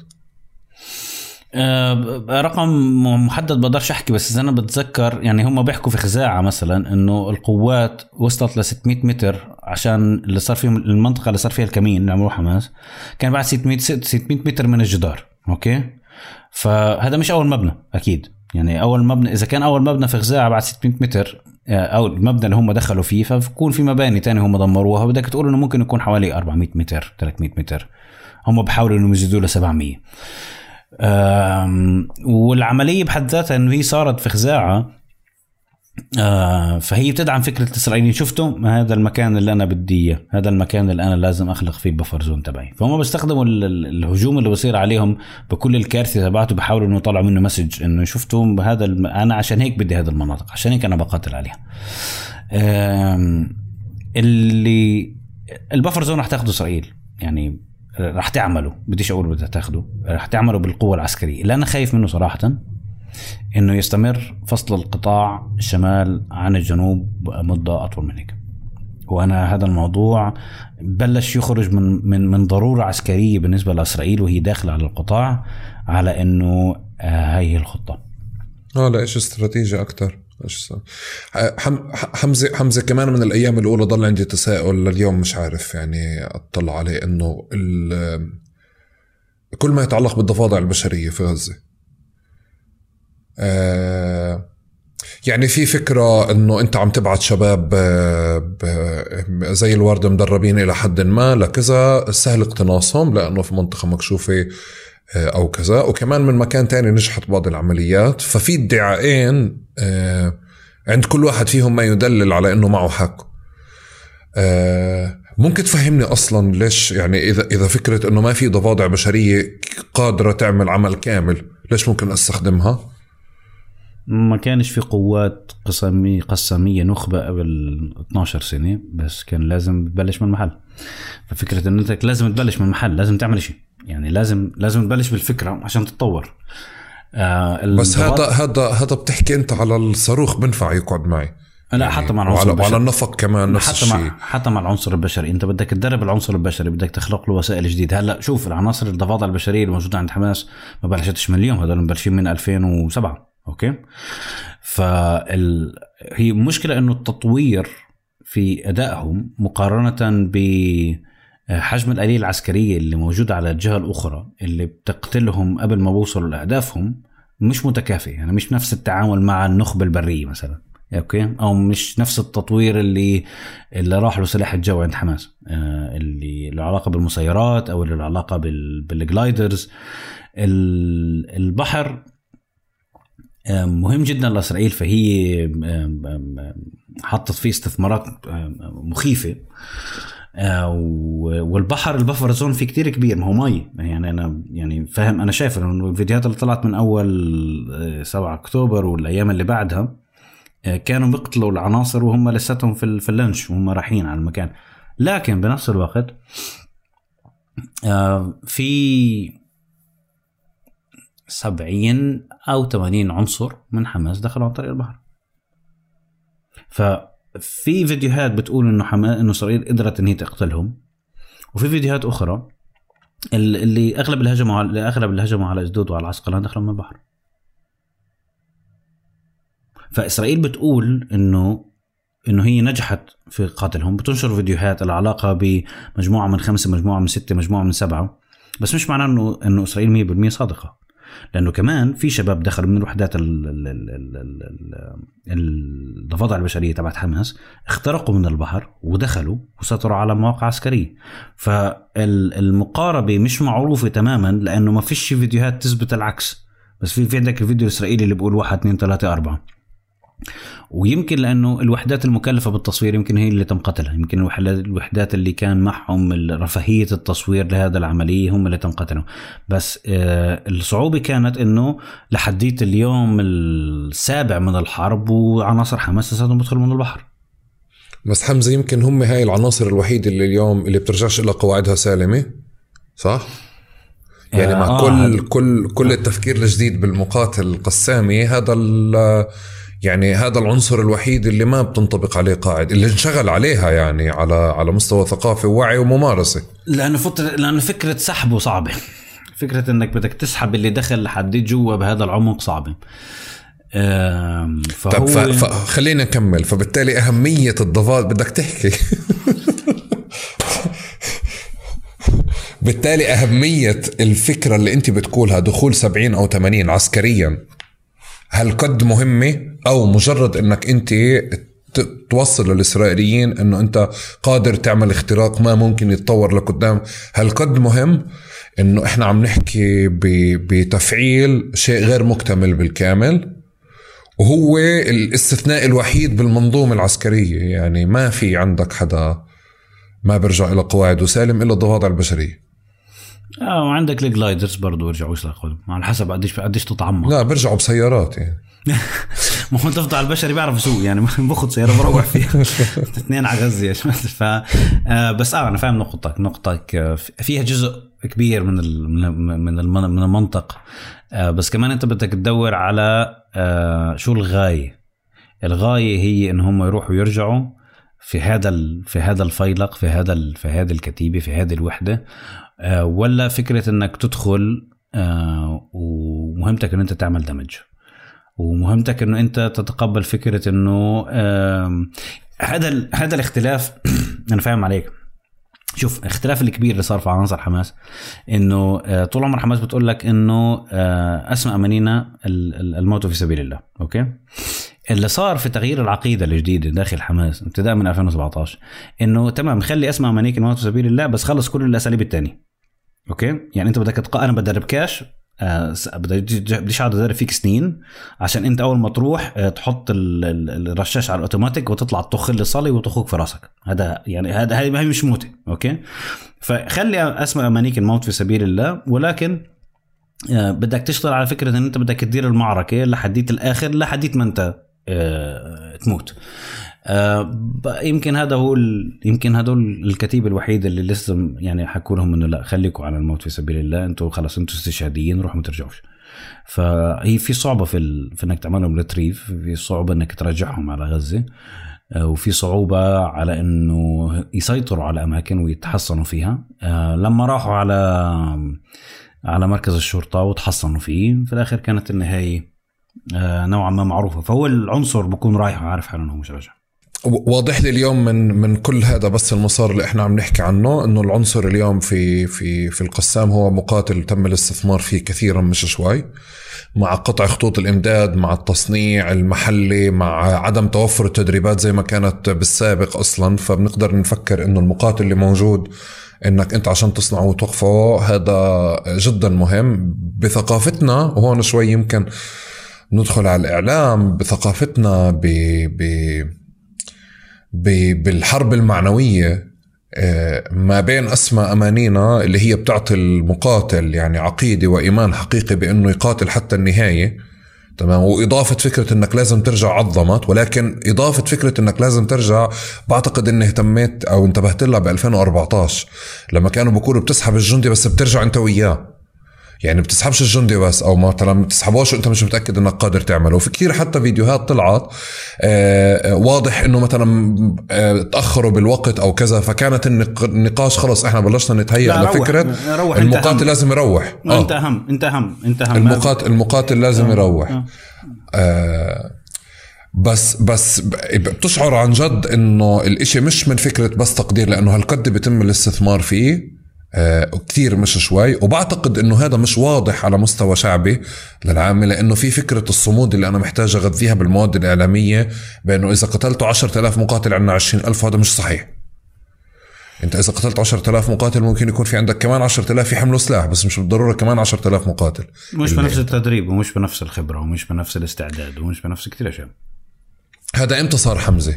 فكرة المقاتل المستثمر فيه كثير. مش 2000 و 2017 بلش التغيير. 2000 و يعني 2016 بتصور إنه آه، بلش ال... بلشت آه، يصير في تكتم كبير على وحدات معينة. آه، من 2017 صار في فصل لل للقوات القتالية. تدريبات النخبة أخذت منحنى تماما مختلف. التدريبات اللي اللي لها علاقة بالقتال لحد آخر آه، رصاصة. وإمتى تنسحب؟ مش لازم تضلك لحد آخر رصاصة. هي الفكرة انه أنت تضلك لحد آخر رصاصة. فكرة إنه في مكان تقدر تنسحب فيه انسحب فيه لأنه أنت كعنصر مهمتك إنه أنت ترجع بتاخذ ذخيرة كمان مرة بعدين بترجع بتكمل القتال. يعني فكرة إنك تموت هي المشي أنا بدي اياها أوكي وفكرة ان أنت بدك تموت بتموت لما تفنى كل أساليب الحياة. مش لما انت بكون عندك طريقة تفكر فيها وتتعامل فيها. أه، بتصور انه كمان في جزء كبير له علاقه بالثقافة الشعبية انه اللي بتراجع هو جبان ففكرة انك تبدي موضوع الفكر العسكري على الثقافة الشعبية انه اللي بتراجع لورا معناه جبان لا اللي بتراجع لورا بفهم وبيعيش هو بيرجع بغذي نفسه بتسلح من أول جديد بتطوى بالجراح وبعدين بيرجع بقاتل كمان مرة. إحنا مدينين على فكرة للقسام اللي غير هاي الثقافة. يعني هي ضمن ثقافة أكبر على مستوى فلسطين إنه يعني اللي بيخسر هو اللي بيربح. آه فيعني فكرة إنه أحيانا أنت بدك, بدك أنت بدك تحول ال... بدك تحول العنصر هذا التحول من عنصر مسلح إن أنت لما تحكي عن حدا نخبة شو النخبة؟ النخبة إنه هو بيقدر المقاتل النخبة هو حدا بيقدر يدخل في عمليات قتال من مسافة صفر. هو بيتمتع بقدرة على إدارة المعركة. آه، عنده الكفاءة القتالية والتدريب الكافي اللي بخليه يدخل القتال من مسافة صفر.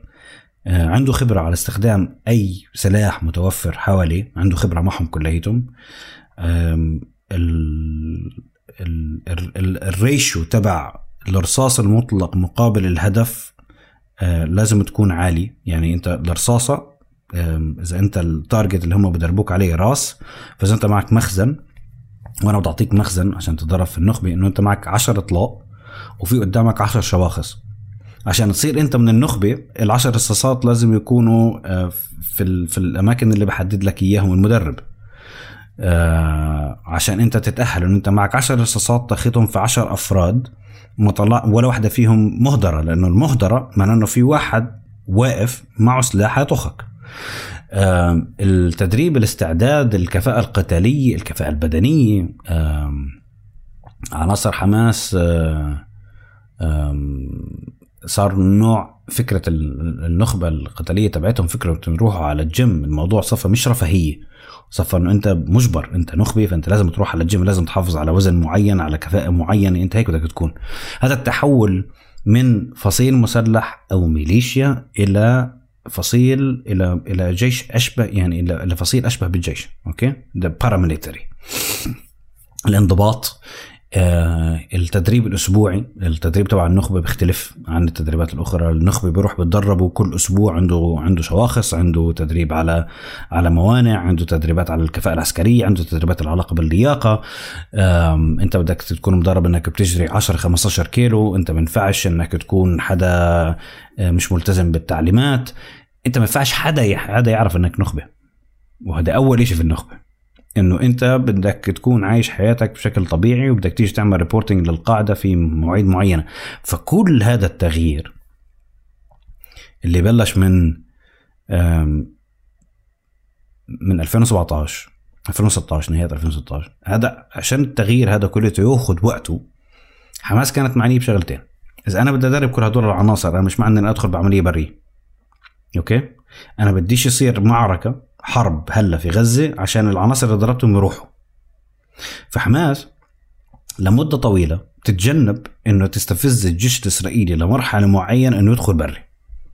لأن هي مستمرة في عملية التدريب والتطوير للعناصر البشرية. فأنت استفزهم ودير معاركك بالصواريخ صواريخ هون وصواريخ هون بس حافظ على هدول الكفاءة البشرية. في ظل في الجهة الأخرى أنه الجيش الإسرائيلي الكفاءة القتالية تبعته كانت عمالة بتنزل بتحول لقوة بوليسية. أوكي هم بضربوا على فض على فض المظاهرات وكيف استخدموا خراطيم المي وبطل بطل الجندي عم بت عم عم عم بتدرب على إنه هو يكون جندي مقاتل كل يوم. في ظل إنه في الجهه الثانية كانوا عناصر حماس بحافظوا على على على حياتهم والقيادة بتحافظ على حياتهم لإنه في شيء أهم أنا بدي أضلني أبني في الخبرة عنده عنده لحديت مرحلة معينة لما يكون جاهز إنه يقاتل. وهذا اللي صار يوم إنه أصبح جاهز إنه يقاتل. في ظل إنه العسكر الاسرائيلي ما كان جاهز إنه يقاتل. هذا هو. في أي تقديرات آه، استخباراتية بحثية صحفية عن قديش حجم الخسائر البشرية في في قوة القسام؟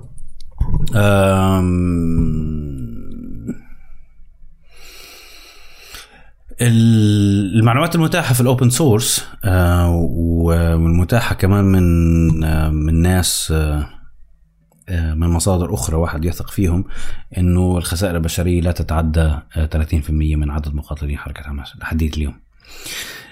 وهذا رقم كتير يعني كبير لحماس إنها تحافظ على 70% من عناصرها بعد كل هذا الهجوم.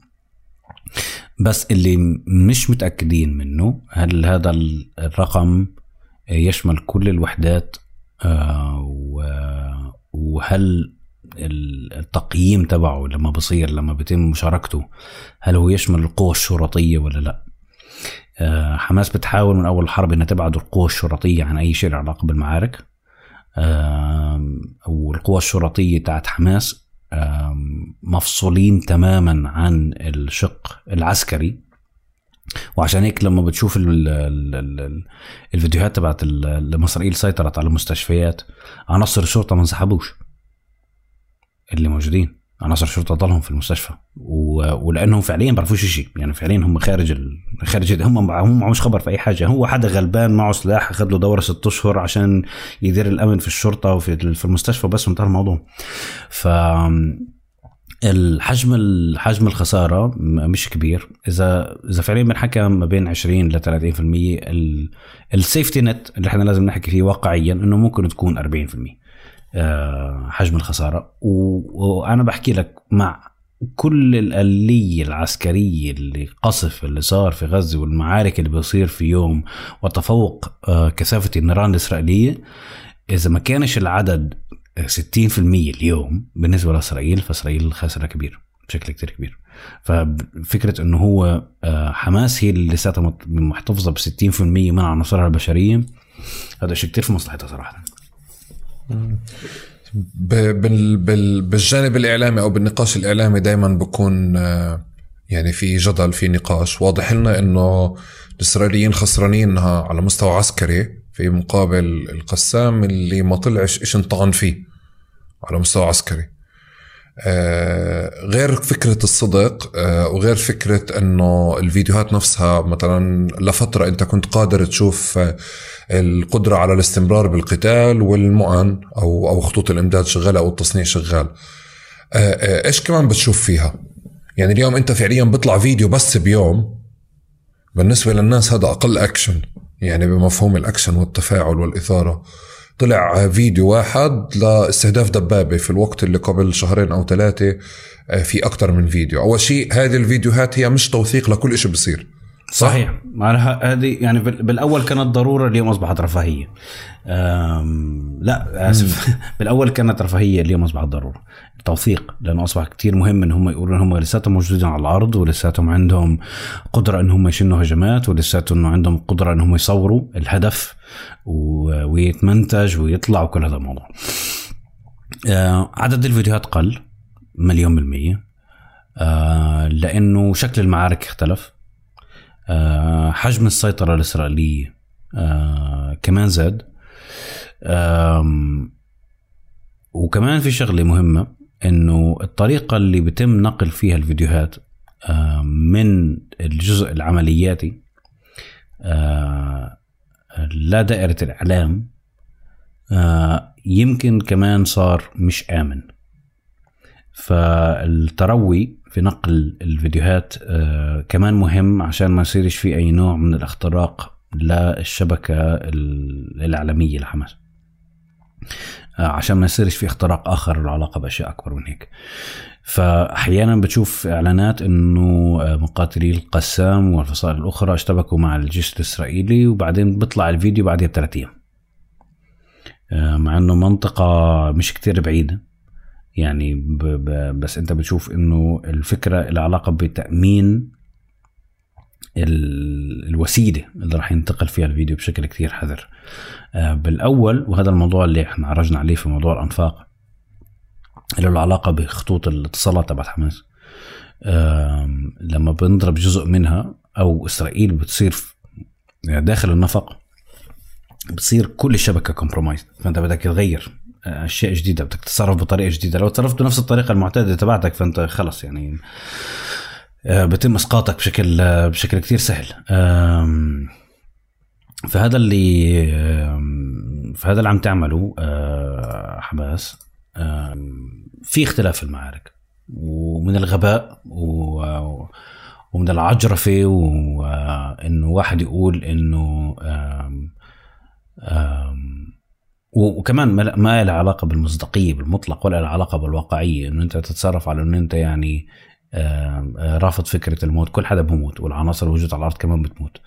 ف من الغباء إنه إنه أي حدا يحاول يمرر فكرة إنه آه، العناصر لساتهم كليتهم بعتادهم ما لم. لم تتضرر خطوط القتال لم تتضرر المركزية لم تتضرر الوسائل القتالية لم تتضرر لم يتضرر التنسيق. في ضرر بس فيش تدمير. يعني هذا الفرق ما بين destroy and damage ففكرة انه إنه بصير في ضربه أكيد لأنه في ضربه لأن أنت في أنت في معركة حربية. أكيد أنت في معركة حربيه ضاريه قدام حدا يمتلك آه، أحكي لك يعني إسرائيل ممكن تكون دمرت خطوط كتير العلاقة باتصالات تبعت حماس هي بتعرفش جرافة ماشي في الشارع شالت كل هدول الكوابل وماشي. الموضوع ممكن يكون مش مش عن قصد. وممكن يكون كل خطوط الاتصال تبعت حماس اللي موجودة داخل الأنفاق سهل إنك تعملها استبدال.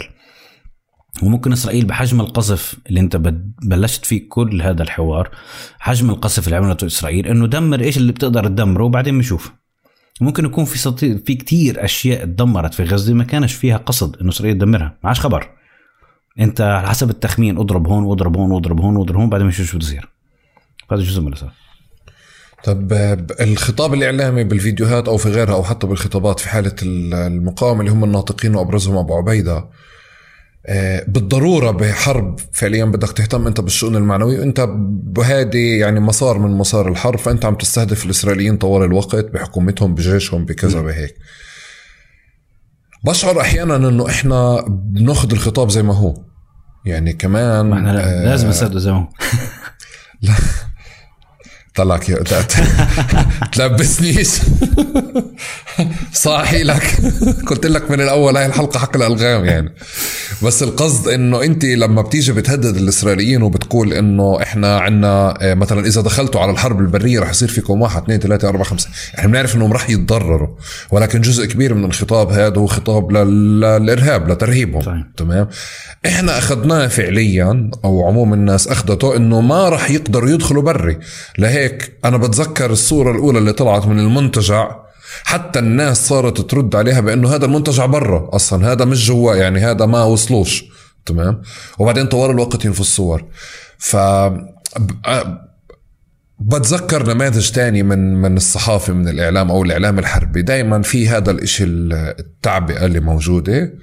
بس مش قادر أقرأ كيف كيف الناس تستقبله عن جد. يعني كيف تتعاطى معه أو كيف ممكن آه، تبطل بس فكرة التوقع الاثاره والأكشن فيه أو إنه أبو عبيدة اليوم ما زبطناش كثير يعني. تمام؟ هو الموضوع يعني هو في في في ثلاث أنواع في ثلاث رسائل دائما في أي نوع من أنواع الخطابة في ethos و pathos و logos. ال logos هو المنطق يعني ال logic. آه ال ال ال ال ethos هي الأخلاقيات اللي أنت بتحكي فيها وال وال وال pathos هي اللي ال passion والرسالة تبعتك وال core اللي أنت بدك تحكي فيه. ال ال الخطاب اللي بقدمه أبو عبيدة في له شقين شق له علاقة بإنه آه، هو بيحكي سياسي وبحاول إنه آه، يمرر رسائل معينة بكلمات معينة إلى علاقة بالقوة والسيطرة والهيبة و و وبنعطاله كريديبيليتي لأنه الفيديو اللي بنعرض بعد هيك يكون متوافق مع اللي هو بيحكي فيه. وسبب كبير من انه الناس بتصدق خطاب أبو عبيدة آه والناس بتصدق فيديوهات حماس لأن فيديوهات الإسرائيليين بتخزي يعني معركة ذات الحيطان هي معروفة. يعني في فيديو نشره الجيش الإسرائيلي لثلاث دقائق بيشتبكوا مع حيط محمود بطون. ما شفناش حدا ما شفناش حدا مات. وكل الفيديوهات تبعتهم إن هم بطخوا على مناطق بعدين بتعرف شو اللي عمال بصير. في فرق إنه حماس لساتها مكملة بنفس السياسة تبعيتها إنه هي تفرجيك إنه في هدف قدامك علمنا لك إياه بالأحمر وفي حدا رح يتعامل مع هذا الهدف و... وراح أعمل لك سلو موشن عشان أفرجيك شو صار بهذا الهدف. يعني أحد الأسباب اللي خلت يعني أحد الفيديوهات اللي مضحكة اللي صارت في أول الحرب إنه إسرائيل لجأت لنفس لنفس الأسلوب في في الشمال لما كانوا هاجمين على على على أطراف مخيم الشاطئ عند المخابرات. عملوا فيديو راحوا أخذوا المثلث الأحمر عملوه أزرق وعملوا إنه هذا مقاتل حماس قبل وبعد بعدين فشلوا الناس ضحكوا عليهم لأنه كمان مش شايفينه فاهم؟ فالخطاب أبو عبيدة هو موجه للناس عشان يلهب الحماسة تبعتهم. أي خطاب عسكري موجود في العالم مين ما كان يكون مش مفترض إنك تصدقه 100% آه، أي خطاب عسكري موجود هو بحاول إنه يظهر نقاط القوة ما يحكيش في نقاط الضعف. أي خطاب عسكري معني إنه يظهر إنه أنا متفوق والعدو اللي قدامي يتدمر آه، وطحناهم طحن. هذا جزء من الخطاب العسكري. هو مش خطاب مبني عشان يكون هو مش مش تحت مش تحت القسم. هو معمول عشان يلهب الجماهير ويخلي عنده مشاعر إنه آه، إحنا مسيطرين كل شيء تمام و... أبو عبيده آه، ما طلعش حكى بس أنا ما أعرفش إذا أنا بتذكر ولا لا آه، على إنه حماس تعرضت لضربات قوية في سلاح الصواريخ أو تم اغتيال القادة الميدانيين أو أو أو مش هيحكي في هذا الموضوع يعني مش لعبته مش منطقته. هو طالع يحكي إنه كل شيء تمام المعارك بتصير أحسن ما أنتم متوقعين. آه، بس ليه ليه ليه يعني السؤال هو ليه, ليه مش لازم يحكي؟ يعني لما كل البلد عرفت إنه مثلا صار في اغتيال لثلاث قيادات اللي هو كذا لما انت بتقول لي انه في دخلوا وصلوا لمنطقة ما لما انت طوال الوقت بدك تطلع وتحكي لي إنه إحنا تمام وبخير أنا بعرف إنك أنت تمام وبخير بس أنا محتاج أسمع كمان إنه إحنا وين وصلنا بأني مرحلة؟ يعني أنا عندي تساؤل وبعرفش إذا هو لازم يعطيني إياه يعني أحيانا بفكر إنه يمكن أسامة حمدان لازم يعمل هذا الدور صحيح. اللي هو الدور مثلا دور. سياسي. هو متحدث عسكري بس بديش احكي فيه لأنه في جزء كبير من الخطابة العسكرية في العالم بتلعب على فكرة إنه الجمهور لا يعرف. يعني أنا هلأ بدي أحكي لك إنه ال- الجيش الإسرائيلي أنا بعرفها في غزة وممكن أنت بتعرفها إذا أنت جيت على غزة أنا بدي أحكي لك إنه الجيش الإسرائيلي فات مثلا وسيطر على آه، مقر الدوار ال 17 آه، عند آه، عند التوام شو بيعني لك وأنت عايش في موريتانيا؟ شو بيعني لك وأنت عايش في الأردن؟ شو بيعني لك وأنت عايش في لبنان؟ شو بيعني لك وأنت عايش في مصر؟ شو بيعني لك وأنت عايش في السعودية؟ شو بيعني لك وأنت عايش في المغرب؟ يعني كاش شيء. ما فيش له أي قيمة عندك. التفصيليات لما انت بتروح للتفصيل في الأشياء وبتعترف بأشياء ممكن يكون الناس أساسا ما مش خبر فيها ليش تعترف فيها؟ هذا جزء من الخطابه هي مش يعني مش مش عند واحد هي كل كل الأجهزة العسكرية اللي موجودة بالعالم لا، لا، أنا فاهم،. فاهم. وأنا مش أنا أنا مش رح مش رح أحكي. إذا أنت بتعرفش بس بمخيلتنا ب- لا بمخيلتنا العربية بس إحنا عندنا هذا يعني دائما كان ينتهي بأشياء سلبية. يعني هيك. إحنا آه، طياراتنا بتعرف ال- طياراتنا تحلق فوق فوق تل أبيب هي ال- آه وعندك كمان الصحاف صدمة الشعوب العربية باللي صار فعليا بال- بم- بس- بس أبو المطار. عبيدة مش اوفر لا أبو عبيدة مش بس اوفر بحكيش. أنا ما في هلا إحنا تخيل إحنا هلا عم نسكر ثلاث ساعات ويمكن اللي واصل معنا لهون راح يشوف قديش أخذنا من أخذ الحوار منا جهد عشان نعرف إحنا اليوم وين واصلين. يعني عشان أنا فعليا أبطل شاعر بإنه في حدا عم إيه، أنا أنا مش مش مش صح. أنا توقعاتي ومشاعري على المعركة على قدرة الناس على الاحتمال على نقاط القوة نقاط السلبية مش هاد. فأنت بتصير تحكي إنه يمكن جزء منه إنه في ضربة بالمكتب الاعلامي إحنا ما بنعرفها. يمكن أسامة حمدان هذه الأشياء اللي لازم يحكي فيها. بس في حدا لازم يفتح شابتر بالمعركة. مش معقول 115 يوم إحنا بعدنا. بخ- بخطاب اليوم الأول. هذا مهم. ولا منطقي أساسا في أي شيء له علاقة بالمعركة إنك تفتح تشابتر في المعركة وتواجه الناس بحقيقة هي مش مأساوية. يعني آه، على عماله بصير على الأرض. هو ما وصلش لمرحلة إنه مجبر إنه يطلع يحكي إنه آه إنه هزمت قواتنا. ما صارش في هزيمة نكراء عشان يطلع يقول إنه لا لا إحنا إحنا مش إعلان هزيمة. مش إعلان هزيمة لا. طيب شو شو الحقائق اللي أنت بتدور عليه؟ يطلع يحكي المتحدث أنا أنا. أنا بحس أنا بحس باللحظة اللي أنت قلت لي إنه أنت مش رح تدخل على المناطق. في حدا لازم يحكي إذا مش أنت غيرك. آه، مش حدا على تويتر مقرب ولا اسم وهمي إحنا بنعرف إنه ممكن يكون مطلع. يقول إنه الإشي كر وفر يقول إنه فعليا يعني بس اللي إحنا هذه المؤشرات اللي إحنا بده يطلع يحكي لك إنه الموضوع كر وفر والمعركة لساتها دايرة؟ ما المعركه دايرة ما هو جزء من المعركه الخداع ما أنا بدي أحكي لأنه لأنه لأنه فعليا هم وصلوا لنقطة ما أنت في عندك الشعوب صافت يعني والأهالي والناس وأهل غزة يعني. تمام. مش عم بحكي على ناس برا. تمام. آه، صفنه إنه آه، دخلوا. تمام شو بدك طب شو مخ- شو بدك تحكي لهم؟ هي نحن إحنا هي خطتنا بس إحنا بدناش نحكي لهم بس مضطرين نحكي لكم على الاعلام في جزء من المعركة بتقدرش تحكي فيه. بس ما هو بحكيه ما هو بحكيه يعني هو بحكيه بس كيف بمركه؟ ما هي هاي هي. هو بحكيه ما هو هاي هو بمركم وواي فكرة- وزد. هي فكرة الخطابة إنه أنت بدك تحكي اللي بدك إياه وتحكي جزء من اللي أنت بدكش إياه بس بدون ما تحكيه. جزء من الخطابة. فيش خطاب فيش خطابة في العالم تطلع بتقول إنه إحنا إحنا عاملين خطة عسكرية وهمية سرية آه بس إحنا حكينا انه أنتم لن تمروا بس هم مروا. ما هو جزء. إنت بدك إذا انت بدك لا تعمل عادي بنفع بنفع لا. بنفع ينحكى إنه إحنا قدرنا وصلوا ل- لنقطة ما وهدول رح يدفعوا ثمنها غالي جدا. بنفعش في سير العمليات ينحكى في هذا الموضوع. هذا هذا ما بنفع. لا ما بنفع. بس بس انت أنت هذا بظن بمعارك كلاسيكية ما كانتش الصورة فيها حاضرة. يعني هلا أنا عم بجادلك أنت مش عم بجادل أبو عبيدة بس التنويه يا جماعة. انت اليوم لما أنا قاعد بشوف انه انه آه، الصدمات الاولى كلياتها قائمة كانت على فجوة ما بين الميدان الصور اللي بتطلع من الميدان وال- والصور اللي بتطلع من مكان تاني. تمام؟ بدي أروح أنا ل- لإشي ابعد عشان ابو عبيدة وحسيته وحبيب الجميع. بلاش نتبهدل أنا وياك على تويتر.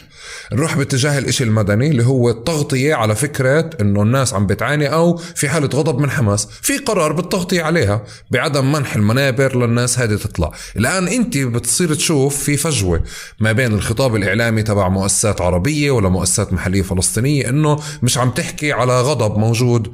آه، طبيعي جدا يطلع تجاه حماس تجاه الحكومة تجاه الشرطة تجاه تجار تجاه كذا. فأنت بتفقد شوي من الثقة بهذا المنبر اللي انت عم تسمعه. يعني أنا اليوم ما بقدر أحضر تلفزيون عربي وأنا عندي ثقة بغالبية التلفزيونات إنه هي بتوصل لي آه، يعني غالبية الصورة مش كامل الصورة.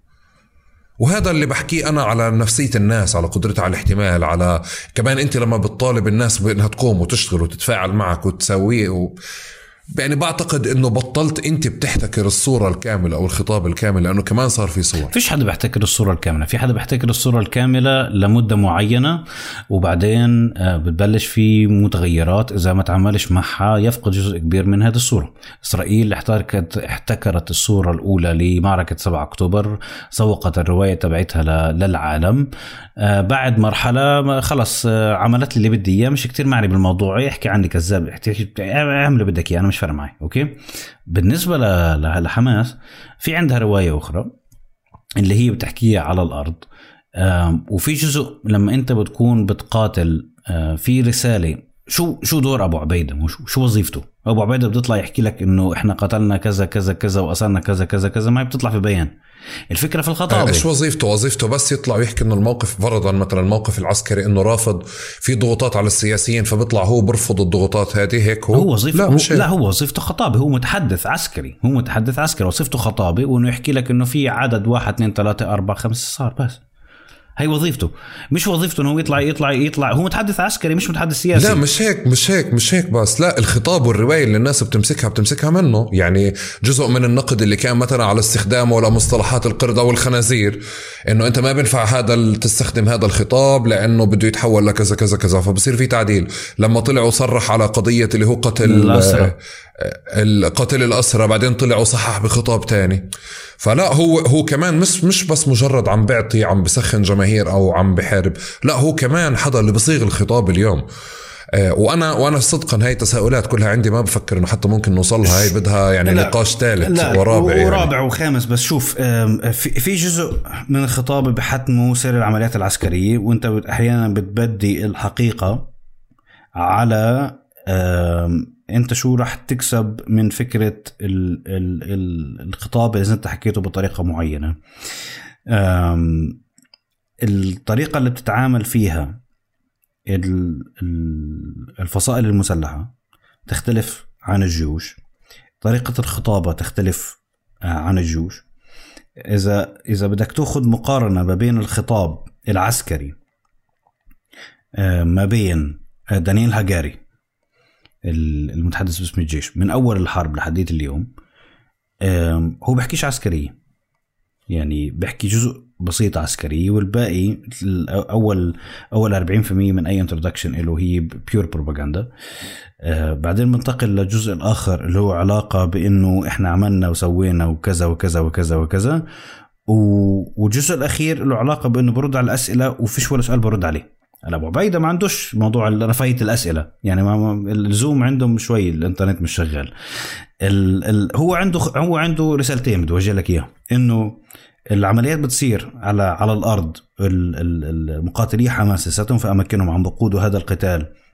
عم بحققوا إصابات في الجيش الإسرائيلي. و و و والشغله الثانية إنه هو بقول إنه في خطاب آه، سياسي له علاقة بإنه إحنا قادرين على صد ال- الهجوم على انه إحنا أقوياء على إنه آه، ال- ال- الشعوب العربية لازم توقف معنا. والخطاب اللي له علاقة بال- بالخارج. في جزء من المعلومات دائما أي حدا بيعمل فيها خطاب زي ما الإسرائيليين بيعملوا نفس الموضوع إنه بيحكي معلومة هو عارف إنه في 90% من الناس مش راح يعملوا لها فيريفيكيشن راح ياخذوها زي ما هي. هذا جزء من الخطابة. أنت يعني الخطابة هي شيء منيح بس كمان ممكن تكون شيء عاطل إذا أنت على حسب كيف بتوظفها. أنا بحكي لك إنه في 90% من الشغلات اللي بتكون موجودة على الإنترنت الناس ما تعملها فيريفيكيشن ليه راح مثلا ليه ليه مثلا في ناس زي نشاب وغيره وغيراته. هدول الناس بقعدوا بحل مقطع فيديو ثانية بثانية عشان يحكي لك إنه يا عمي القذيفة لو صابت حقول لك صابت لو ما صابت حقول لك إنها صابت. بس في ناس تاخذ الفيديو بتنقله زي ما هو أو ناس تاخذ كلمة زي ما هي. فالناس أسهل بالنسبة لها ان هي تاخذ الكلام زي ما هو وتنشره لأنه هاي طبيعة البشر. لو كل البشر بيشتغلوا بيشتغلوا فيريفيكيشن يا كانت حياتنا كتير أحسن من هيك. فالخطابه مهمة للي بيحكيها لأنه هو عارف إنه فكرة إنه في حدا.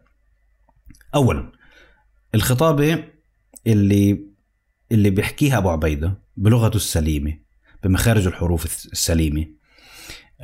بال بال بترميزه اللي صار على مدار السنين كله بمحاولة اغتياله بتهديده. في جزء كبير من الرهبة هو بيعطيها والمصداقية قبل ما بلش يحكي أوكي؟ هذا الجزء اللي حكيت لك فيه إنه كمان الفيديوهات بتدعمه بشكل كتير كبير. يعني هو كمان يعني هو كمان في فرق بينه وبين يعني ال- ال- المقارنة بعرفش ناس كتير ممكن تكونوا متحفظين عليها بس المقاربة بين متحدث عسكري ومتحدث عسكري آخر زي دانيال هجاري ولا فيديو بيدعم اللي هو بيحكي فيه. ولا فيديو ممكن وهو حتى لما هو راح يعمل فيديوهات بذات نفسه طلع الموضوع يعني خربان على الآخر. ففي فرق كبير ما بين ما بين الشغلتين وهذا بخلي أبو عبيدة أو أي حدا ناطق بأي فصيل مسلح موجود في العالم إذا كان مقاوم أو غير مقاوم إنه في جزء من المعلومة أنت مش ضروري إنك تحكيه لأنه بتعتبر إنه خلص يمكن الناس عرفوه مش ضروري أعيده وإذا ما عرفوش مش ضروري أحكيه. it's very simple أنا أنا بعتقد بعد الحرب هذه رح نحكي كتير بموضوع الخطابه شو يعني متحدث رسمي باسم الإعلام يعني أو أنا باسم كتاب القسام. بكون مسافر أنا.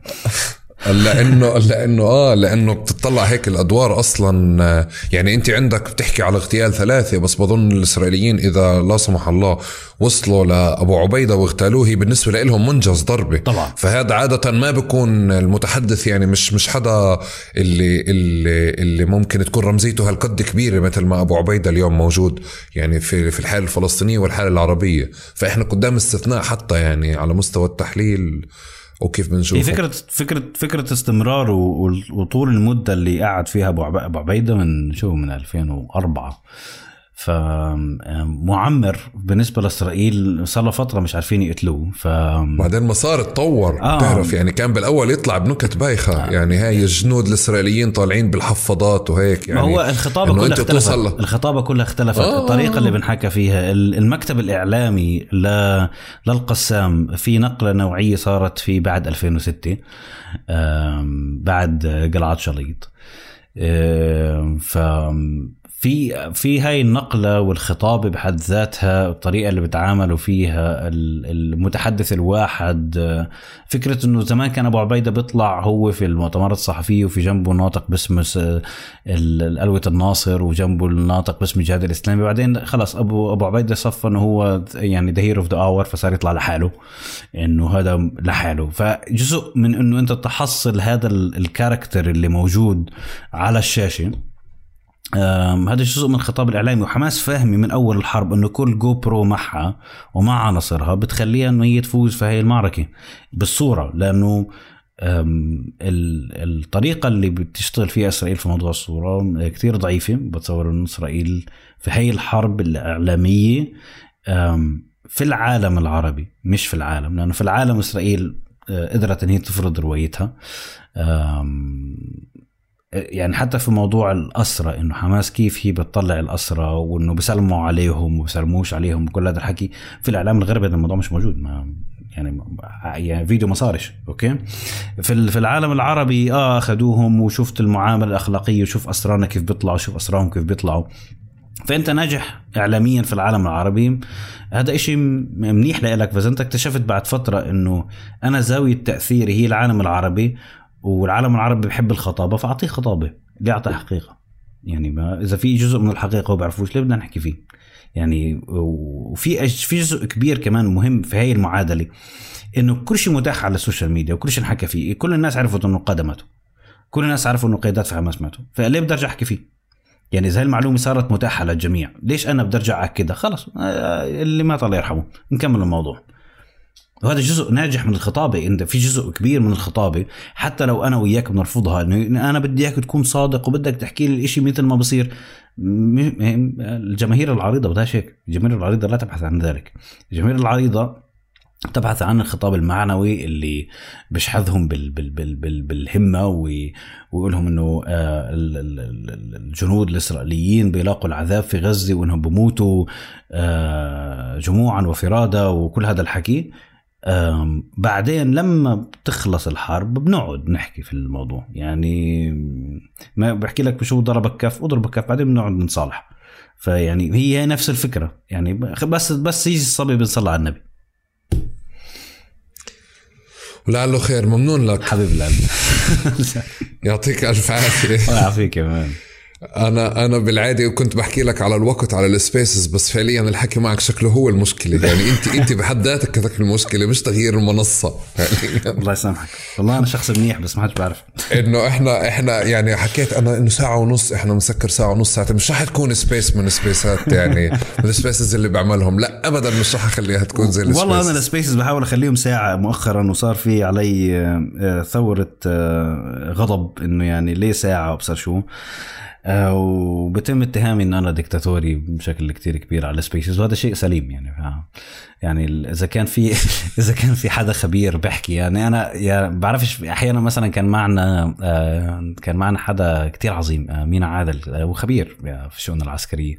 وفي حدا بعت لي على على ال DM أيمتى كنت فاتح ال DM بقول لي طب خليني أحكي طب في حدا خبير في الشؤون العسكرية؟ وخبير في أسلحة الجو ومنظمات الدفاع الجوي كنا بنحكي عن موضوع كتير عميق. فبقول له إيش بدك تحكي؟ قال لي بدي يعني بدي أعطي رأيي، قلت له أنت بتعرف شو الفرق بين الإف 15 إف والاف 16 قال لي لا. قلت له هذا موضوع حسكه طب ليه بدك تحكي رأيك؟ يعني هو القمع مش لأنه مش لأنه مش لأنه بدك تقمع الجموع، الفكرة لأنه في شيء في حدا المواضيع اللي أنت بتفتحها. في خبير بحكي فيه. المواضيع اللي أنت بتفتحها. في خبير حدا بحكي فيه. شكرا جزيلا لك ويعطيك ألف عافية. ممنونك يا bro تسلم لي وأنا كثير انبسطت إني كنت معك فيعني أتمنى الواحد يشوفها كمان مرة هي شكرا جزيلا لكم يعطيكم ألف عافية. أه بتمنى هذا الحوار كمان ساعدكم تاخذوا أدوات مثل ما يعني ساعدني حمزة في هذا الحوار. أه أنا بتابعه على السبيسز على تويتر أه تابعوه على تويتر. رح تلاقوا إنه كل فترة بفتح جانب سؤال من الأسئلة اللي خضناها لمدة يعني ثلاث ساعات وأربع ساعات أحيانا. بنبحث فيه مع ناس مختصة بس بشعر إنه إحنا ينقصنا شكل النقاش هذا اللي بيعطينا أدوات آه، أفهم الخبر وكمان بنفس الوقت أضل موجود على أرض ثابتة طوال الوقت مش ما أشعرش إنه في فراغ بيني وبين الأحداث اللي بتصير. شكرا جزيلا لكم ونلتقي في حلقة قادمة في تقارب شكرا.